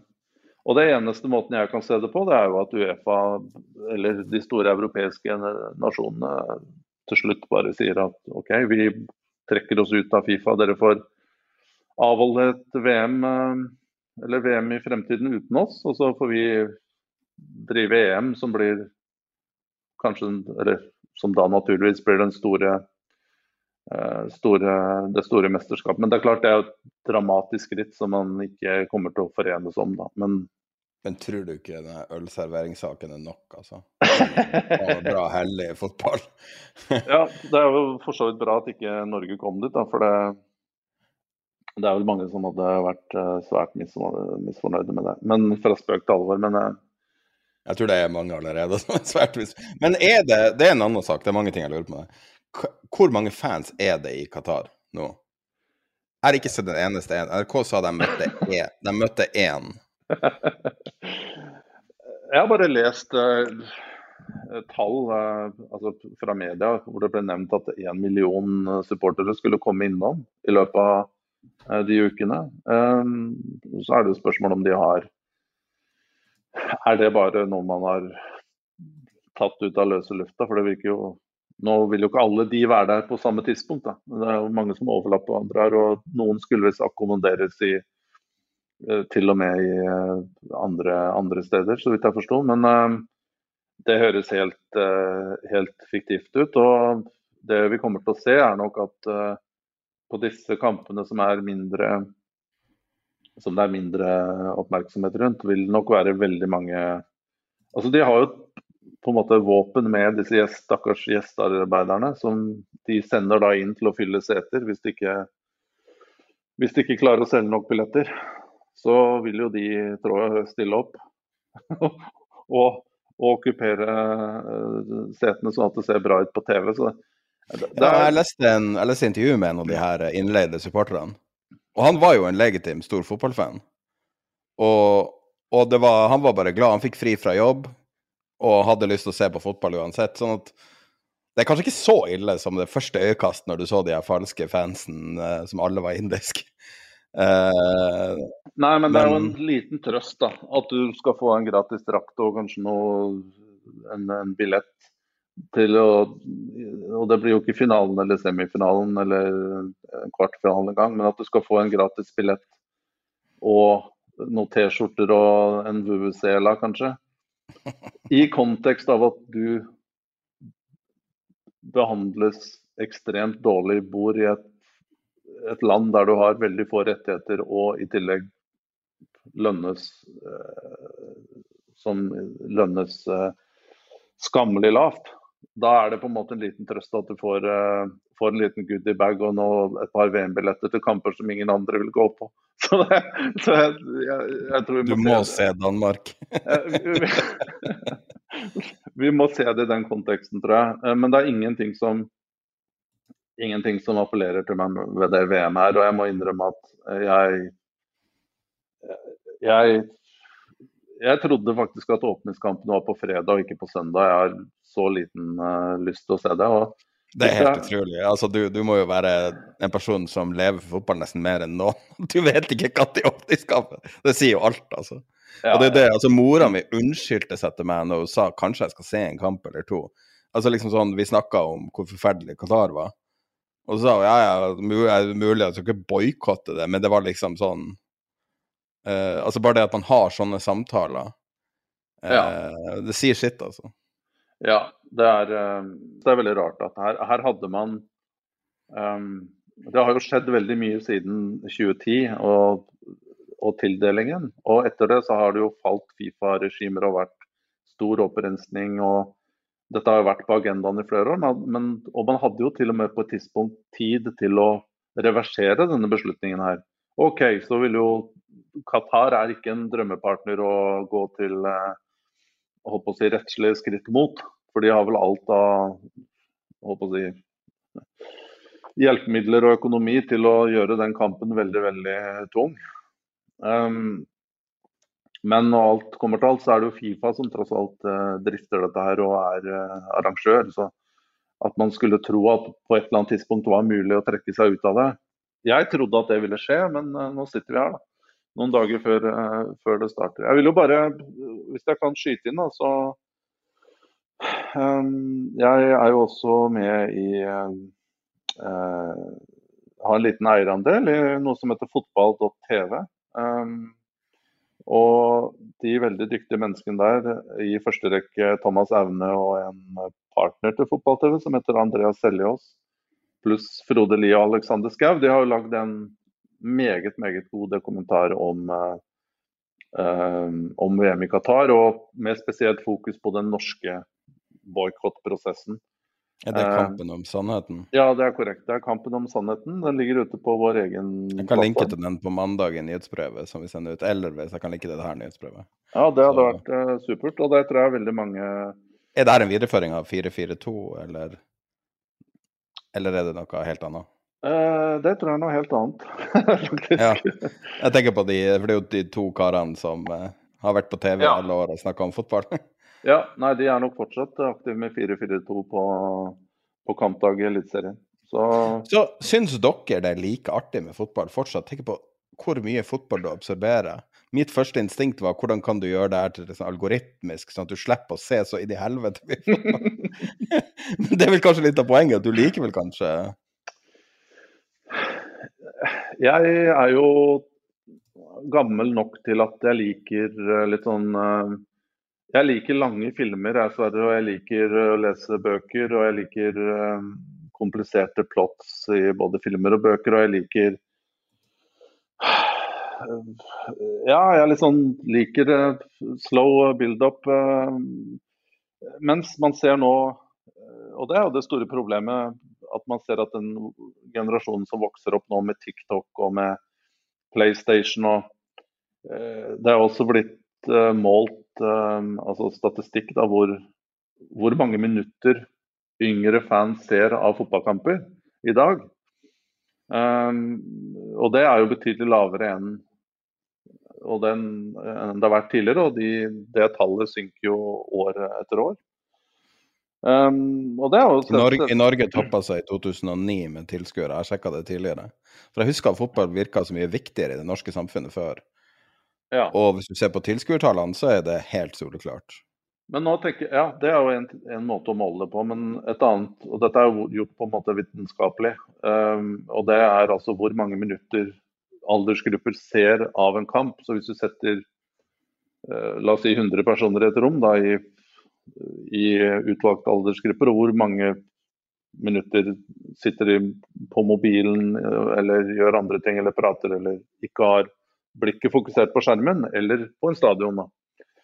Eh, og det, det tallet faller jo da med alder. Og Det er jo derfor man diskuterer altså, tiltak som f.eks. Superleague, eh, fordi yngre, spesielt yngre generasjoner ønsker å se De skal bare se toppoppgjør. da, Um, og disse, de skal se blockbuster-spillerne uke inn og uke ut.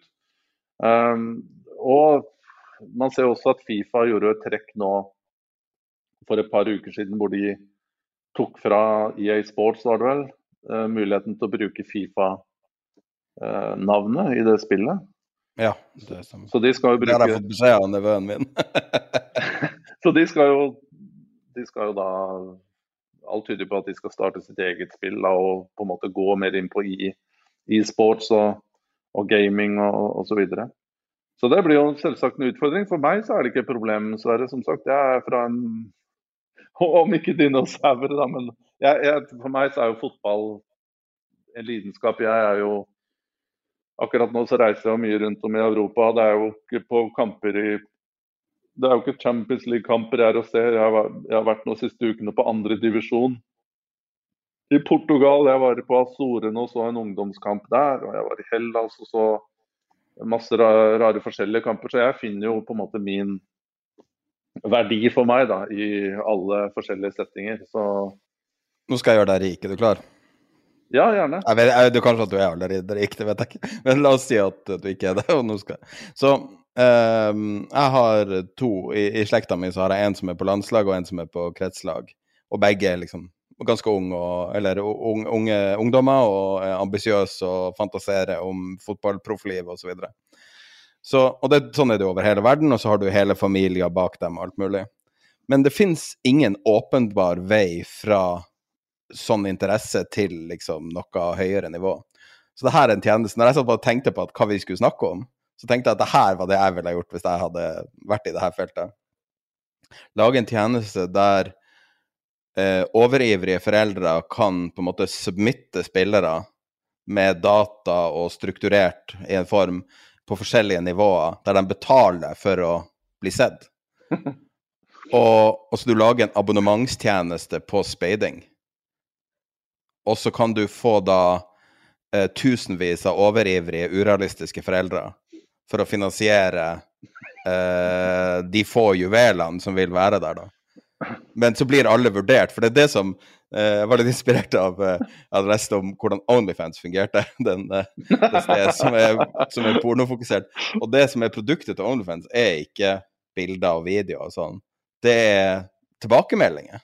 Og det at de, de svarer folk fordi at de betaler.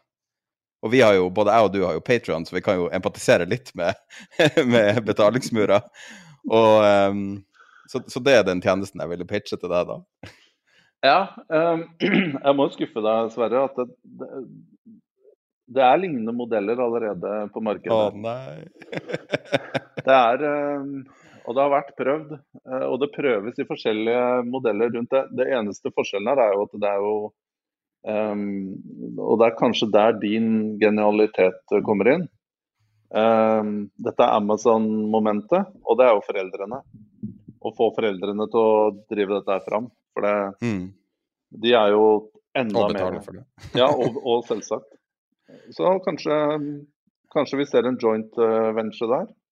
Hvor tid er penger og, eh, og fotball.tv. Nei, men jeg bare, jeg bare, tenkte altså eh, Jeg har en jeg gikk på skole med som ble agent. Jeg vet ikke helt hvor han er, jeg tror han er i Polen. og agent nå. Um, uh, men det må jo være en utrolig vanskelig jobb, og alt du kan gjøre for å strukturere data, må jo være positivt. Hvordan i alle dager å finne ungdom, alle de ungdomskampene som er rundt om i, i, i Norge, må jo være helt overveldende. Og det er vel regler som gjør at du kan ikke bare filme ungdomskamper heller. Nei, og til og med det EU-direktivet på, på, på, data uh, forhindrer deg også å legge inn uh, med mindre foreldrene legger det inn sjøl, ser du. Det her er perfekt. Jeg er helt overbevist. ja. Nei, det... Jeg satt i bilen og jubla for meg sjøl når jeg kom på ideen. Hvis det er noen lyttere som, har, um, som vil uh, være med på et spennende venture-eventyr, så er det jo fritt fram. Ja, ja. Jeg, er med. For andre får finansiere det, derimot.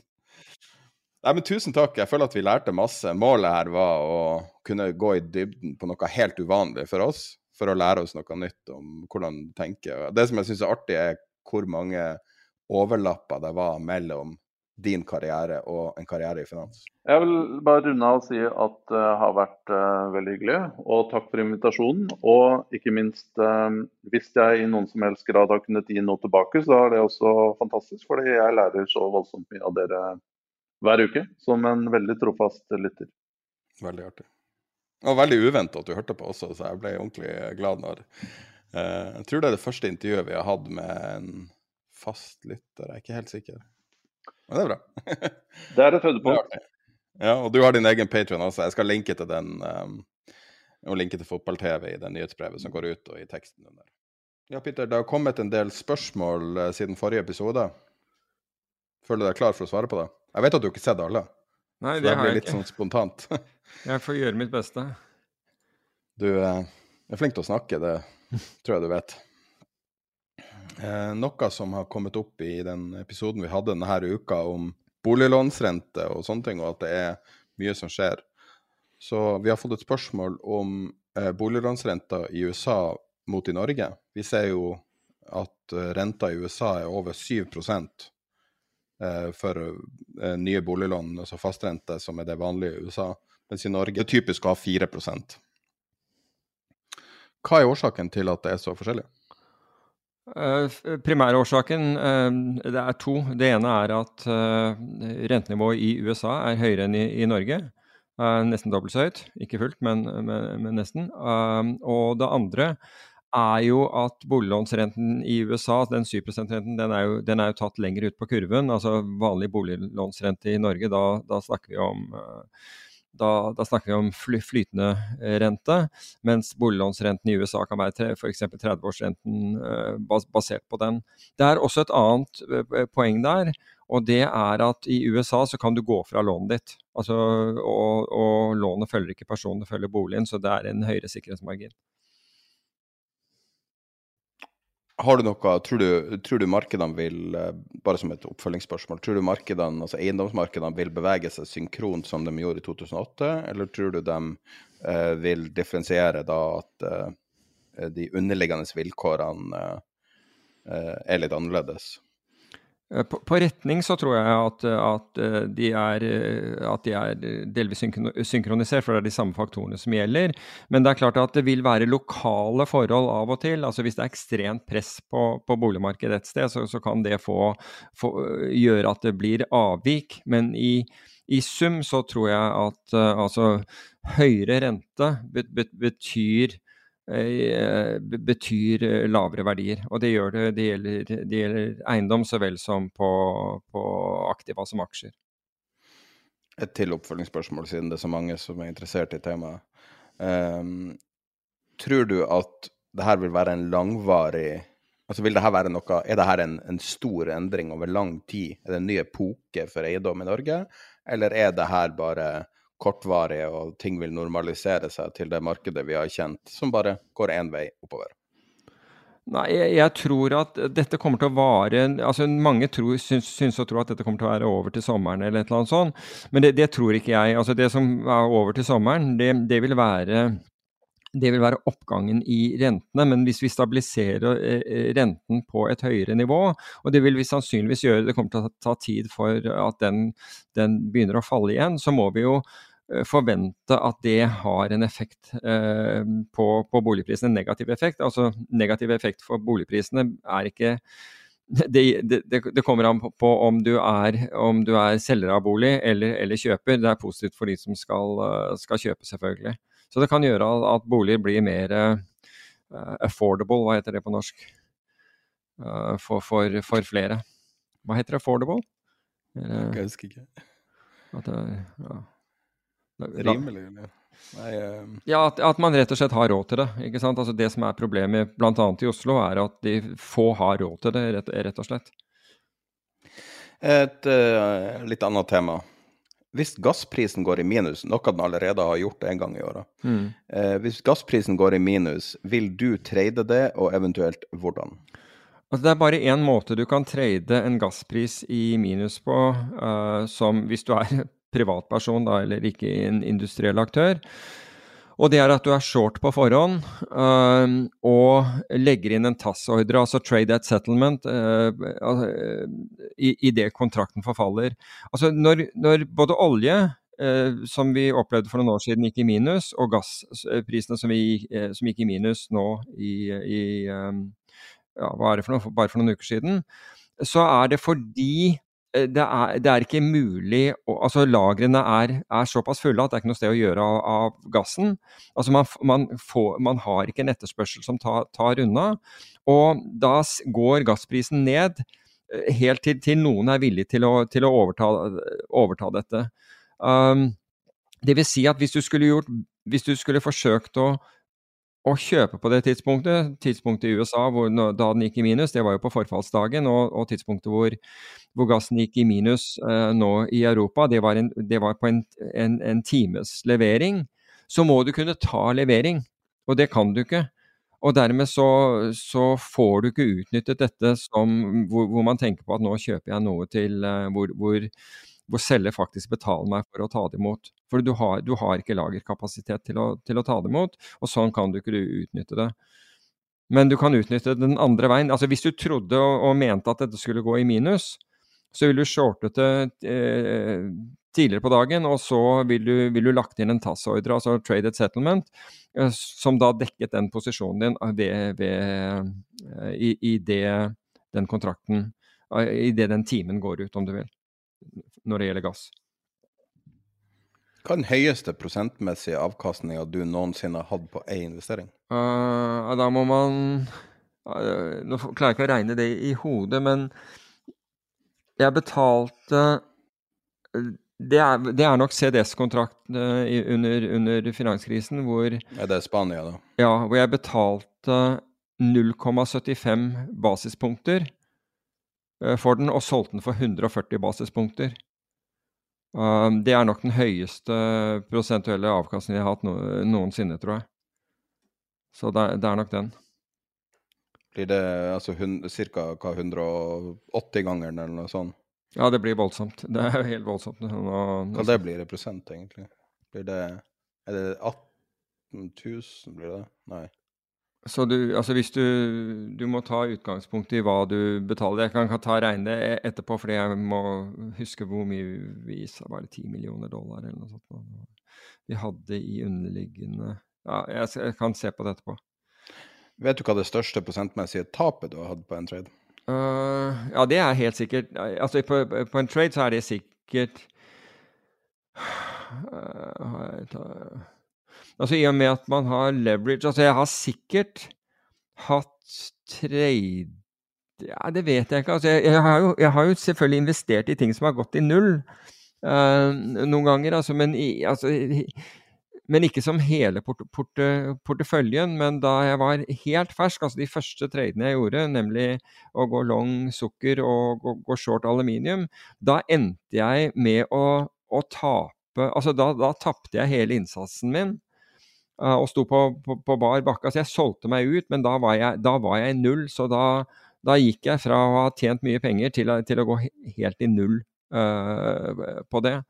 Um, jeg skyldte heldigvis ikke noe, noe, penger, fordi med, siden dette var, uh, var future-kontrakter, så kunne, man, kunne, jo det ha skjedd dersom du ikke var blitt stoppet ut. Men, men, jeg, men det endte i null. Men jeg, det har jeg heldigvis ikke vært. Og det er vel det det er vel den, jeg, den verste opplevelsen jeg har, har hatt, etter å liksom ha hatt fullstendig innertier på, på, begge deler. Eller jeg tok jo gevinsten i, uh, i aluminium, uh, men jeg pløyde den videre inn i, i, i, sukker. Og det var jo det at det, det steg voldsomt, men jeg kjøpte mer det, det høyere det, det, steg. Og var, da, lærte jeg, da lærte jeg mye om posisjonering, for å si det på den måten. Så det er at det går i null. Et lignende spørsmål om, om trading. Eh, og det her er jo på en måte det, ev det evige spørsmålet i trading, som er knytta til uh, 'cut your losses and let your winners ride'. Um, som det ofte er med sånne ordtak og, og sånne uh, tautologier og sånne ting, så, så, er det ofte ganske enkelt i teorien, men i praksis er det ofte litt verre. Så spørsmålet her er hvordan vet du når du skal avslutte en vellykka trade? Ja, da må man, eh, man I utgangspunktet så vil jo det ha med å gjøre hvorfor, jeg, hvorfor har jeg tatt denne posisjonen.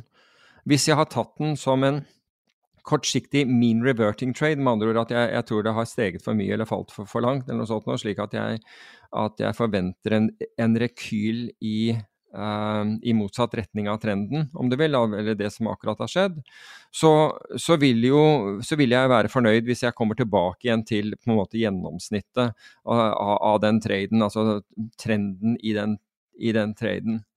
Um, men hvis, uh, hvis uh, i stedet man har lagt på traden fordi du tror at dette her skal uh, gå, gå langt, da da bør man jo gjøre det gjennom f.eks. stopplås eller et eller annet sånt, for vi vet ikke hvor langt. Vi visste jo ikke, vi visste ikke at, at uh, en, en, stor del av verdens statsobligasjoner skulle, skulle handle med null rente, eller, eller negativ rente. altså med andre ord, vi, vi kunne ikke forutse at, at uh, obligasjoner ville stige så mye, ei heller falle så mye som de har gjort i år, for den saks skyld. Um, det, var, det, var, faktisk mer sannsynlig. Um, men det er alltid vanskelig. Altså, så, så det, det, ene er trader du med trenden? Altså med andre ord, du tror at trenden skal fortsette, eller du tror dette skal begynne ut å, å, å, å gå oppover f.eks., eller toppe ut og gå, gå, gå nedover, så, så, er det jo ofte bra å ha en, en, en rett og slett en, en, take profit som kommer bak, altså som ligger bak, akkurat som en stopplås. Slik at hvis dette plutselig reverserer, så, så, så tas det ut. Men jeg må jo også si det at hvis jeg ser ekstrem akselerasjon, altså hvis jeg er long et eller annet og det begynner å akselerere og akselerere og akselerere, altså med andre ord oppgangen blir brattere og brattere oppover, så begynner jeg å ta altså, Og det divergerer langt, langt fra trenden. Og, og tidligere historiske eksempler så begynner jeg å ta av. Da begynner jeg å redusere posisjonen uh, pent og rolig etter hvert som, etter hvert som trend, trenden utvikler seg. Så vil jeg la noe bli der til, til en sånn take profit-ordre uh, blir, blir, blir, truffet til slutt. Men det kommer an på. Det er, det er ikke en sånn enkel regel som, uh, som kan beskrive alle situasjoner. Så det, det viktigste er er dette en, en trendfølgende posisjon du har, eller er det, er det en kontratrendposisjon? Kontratrend den vil være kort, og, og, der vil også tid spille inn. For hvis det ikke har skjedd på, på ganske kort tid, så vil jeg komme meg ut. Uh, bare av den årsaken. Men det er litt lettere hvis det er en trendfølgende posisjon. Neste spørsmål. Det er mye spørsmål om uh, boligrelaterte uh, ting i det siste. Hva skjer om boliglånsrenten dobles i Norge? Nå er typisk renta ca. 4 Ja, da kan du i hvert fall forvente altså Da vil jeg tro ganske sikkert at eiendomsmarkedet vil falle yt eh, ytterligere, og ganske, ganske, kraftig. fordi det betyr jo at rett og slett kostnaden for å sitte, altså for å, for å låne penger til å, å, å, kjøpe eiendom, har gått opp vesentlig. Og da vil jo det bety at avkastningskravet ditt må justeres i forhold til det. Og med andre ord, øh, øh, objektet må ned i verdi for at du skal kunne opprettholde avkastningskravet. Ellers så vil det rett og slett strupe kjøpingen. Så um, og, når det struper kjøpingen, så er det det, samme som at, at, det begynner å falle. Så det vil ha en ganske dramatisk eh, innvirkning på, på eiendomsverdier, tror jeg. Du har eh, tidligere snakka om hvordan man kan bruke en um, risikofri rente for å regne ut på en måte forventa fremtidsutsikter for selskap som ikke tjener penger. Er det mer for, en mer forutsigbar dynamikk enn renta og boligmarkedet? Nei, det skal jo egentlig være for så vidt det samme. Um, problemet altså Hvis du har en, eh, et selskap som ikke tjener penger i dag, men som har fagre løfter om at de skal tjene voldsomt i, i fremtiden, så med null i rente så vil jo da så, så, vil det jo ikke være noe kost av penger i den, i den perioden. slik at uh, hvis du tror på forventningene deres, og du skal da neddiskontere det til dagens verdi, så vil den være lik. Men hvis du setter den renten til 5% og det f.eks. tar 15 år, så betyr det vanvittig mye for, uh, for, for selskapet, over, altså for den inntjeningens nåverdi. så det er der det, det kommer inn. Så um, men, men, som sagt, altså utgangspunktet øh, som vi hadde ved å ha en rente nær null, den oppfordrer folk til å gjøre ekstremt dumme ting. Fordi det, er, det vil under sånne forhold være ekstremt krevende å kalkulere noen som helst form for, for, for risiko, altså sånn ren matematisk sette en verdi på, på, på den risikoen man tar. Du har fått spørsmål om valgresultatet i USA, men i stedet for å snakke om det fra et, et uh, samfunnsperspektiv, så kan du heller svare på det mot markedet. Hva tenker du om valgresultatet i USA kontra markedet? Vil det her ha en kortsiktig og langsiktig uh, effekt på markedet? Det, det, som er krevende, syns jeg, og, og, det var etter å ha hørt uh, intervjuer gjort i forbindelse med, med mellomvalget nå, det er hvor lite det sy... Altså presumptivt uh, smarte mennesker uh, hvor, hvor, lite de forstår av, av uh, økonomien og finansmarkedene.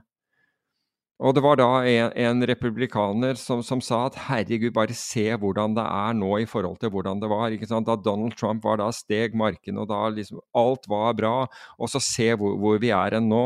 Jo, nettopp fordi han instruerte da sentralbanken til å bare pumpe mer penger inn i markedet, som da, som da skapte en enorm inflasjon.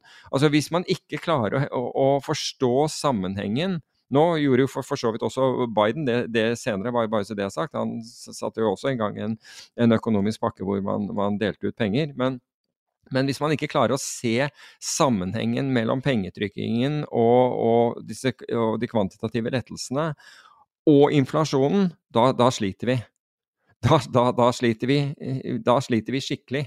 Uh, så, så, jeg vet ikke, for å være helt ærlig. Det virker som uh, Altså, økono, økonomien per nå vil jeg jo si er ganske uavhengig. Det er jo ikke det at demokratene er kommet inn som gjør at man, uh, at man har, har, lavere aksjekurser. Det er, det er det faktum at sentralbanken endelig endelig snudde og sa at uh, og, og forsto at inflasjonen ikke var, var et for, forbigående fenomen. Så det ansvaret legger jeg på sentralbanken. Nå kan noe av ansvaret legges på, på, på, på Trump, fordi han mobbet da Powell til å begynne å, til, til å senke rentene og, og, og, og trykke, trykke, mer penger i forbindelse med, med, med, covid. Så det er egentlig når, når, skal, vi skal vi ta smerten? Men, men jeg, jeg syns jo at ansvaret her ligger mer på sentralbanken enn det ligger på det politiske. Eh, det er en stund siden jeg har fått et spørsmål om gull. Og nå har jo eh, gullet ikke steget med inflasjonen det mange venta på i, i, egentlig mange tiår, som en inflasjonshedge. Uh, og, og, det har vært uh, spekulert i at en av årsakene er at de pengene som normalt ville ha gått inn i gull, har gått inn i ting som bitcoin. Nå som bitcoin er ned, er spørsmålet nå som bitcoin er ned, kan det være at gull skyter i været? At folk går tilbake til det? Jeg tror ikke nødvendigvis det, det, kommer til å skje som en konsekvens av det. For jeg tror at det er en annen type in investorer. Og, og, har du tatt pengene inn i bitcoin, så har du den ikke til å, til, å, til å, putte inn i gull. Så jeg tror det er mer relatert til, ehm, til dollaren. Og, og, kanskje noe til, til rentenivå uh, også. Så jeg tror ikke at jeg, tror ikke at det er uh, at det er en at det er kausalitet mellom de to, de to, tingene. Jeg kan ta feil, men jeg tror ikke det. For jeg tror ikke det er så mange som har puttet pengene sine i bitcoin uh, i, i, stedet for gull. Og, og, eller det er nok en del som har gjort det, men, men der, der er, altså har de lave verdier på, på, på, bitcoin, så skal det noe til at de flytter de rett over til, uh, til gull. Har du tatt pengene dine i andre kryptovalutaer, så vil du antakeligvis for, for, for manges del ikke klare å komme ut av det heller. Så jeg tror gull drives av andre ting, bl.a. At, uh, at en del land sentralbanker driver for, tiden og kjøper gull. Det er også en, en, faktor som driver det, og det er mye viktigere enn uh, en, uh, prisen på bitcoin. Har du generelt tru på gull som investering? Ja, jeg, du kan si at jeg, jeg, har fått så lite ut av det, må jeg innrømme, de gangene jeg har, har, har gjort det. Um, det, gull for meg er litt grann som uh, altså Kortsiktig kan jeg godt trade, men, men som, som, en investering er litt grann som, som uh, kursforholdet mellom, mellom, pund og dollar, det vi kaller kabel. Uh, jeg, klarte, jeg, klarte, ikke å tjene penger på, på spothandel i, i, i, kabel, men da jeg brukte, når jeg begynte å bruke opsjoner i stedet, så tjente jeg penger. Og gull er litt på samme måten, altså, eller i hvert fall gull-sølv er litt på samme måten. Når jeg har når jeg har konstruert opsjonsstrategier, så har jeg klart å tjene penger, penger på det. Men det, jeg syns det har vært veldig vanskelig å, å, å tjene penger på bare liksom å kjøpe gull og sitte osv. Men det er, bare, det er meg. Det er, det er, jeg som ikke klarer å komme helt in tune med, med, med hva som skjer. Siste spørsmål denne uka. Hvis du kunne tatt en ny utdannelse som ung i dag, hva ville det vært? Jeg tror du har svart på det før, men det er et viktig spørsmål. Nei, altså, jeg, jeg, har jo sagt før at jeg definitivt ville ha utdannet meg inn, altså, innenfor uh, teknologi, fått med meg uh, en, en teknologiutdannelse. Uh, um, det er fristende å svare advokat, fordi ser, altså, hvis, hvis, du er, hvis, du er, ute etter å, å tjene penger, så bør du bli mellommann. Og hvis du blir advokat, så ser det ut som myndigheter gjør alt de kan for at advokater skal få, få, få altså de, Med regulering, og gjøre den så kompleks og vanskelig at du må ha advokat for å kunne gjøre selv de enkleste ting. Så det er jo den der bransjen som på en måte blir blir eh, får alle, på, på, en måte får alle fordelene da, eh, som, som, kan tenkes. Um, om, men eh, det kunne vært eh, interessant å være advokat også, må jeg ærlig innrømme. Det, det er et interessant yrke. Så, men, så det å, men da tror jeg ville ønske å være, være en, en, prosessfullmektig, altså være i uh, den som uh, har prosesser i, uh, i, retten. Jeg er ikke sikker på at det er de best betalte, kanskje hvis det er innenfor, innenfor, innenfor næring. Men så lønna er det som ville ha motivert? Nei, altså jeg bare prøver å Nei, du kan si ting man interesserer seg for. Altså jeg, jeg tenker jo at at eh, alle har godt Altså i, i Norge hvor, man, altså hvor, det er verneplikt og sånn, alle har godt av en, en, periode sånn hvor du blir tatt litt ut av komfortsonen om, om, å ordne opp litt for, for, deg selv og være innenfor et system hvor du hvor eh, det er ikke dine ønsker som er eh, i, i, i fokus til, en, enhver tid. Så det er jo nyttig, det er en nyttig utdannelse, det også. Altså man trenger jo ikke, altså her i Norge har man verneplikt, så man kan gjøre det for en, for, for en uh, periode. Man trenger ikke å gå all in og gjøre det til en, uh, til en karrierevei. Så Men, men jeg, vet, ikke jeg, jeg, skal tenke litt på det, fordi det er nok det er, det er, jo ting du lærer gjennom livet og ser gjennom livet som gjør at, at enkelte ting fascinerer deg eh, mer enn en andre, helt, opplagt. Da var det over for uh, denne uka, og vi er tilbake neste mandag med vanlige episoder.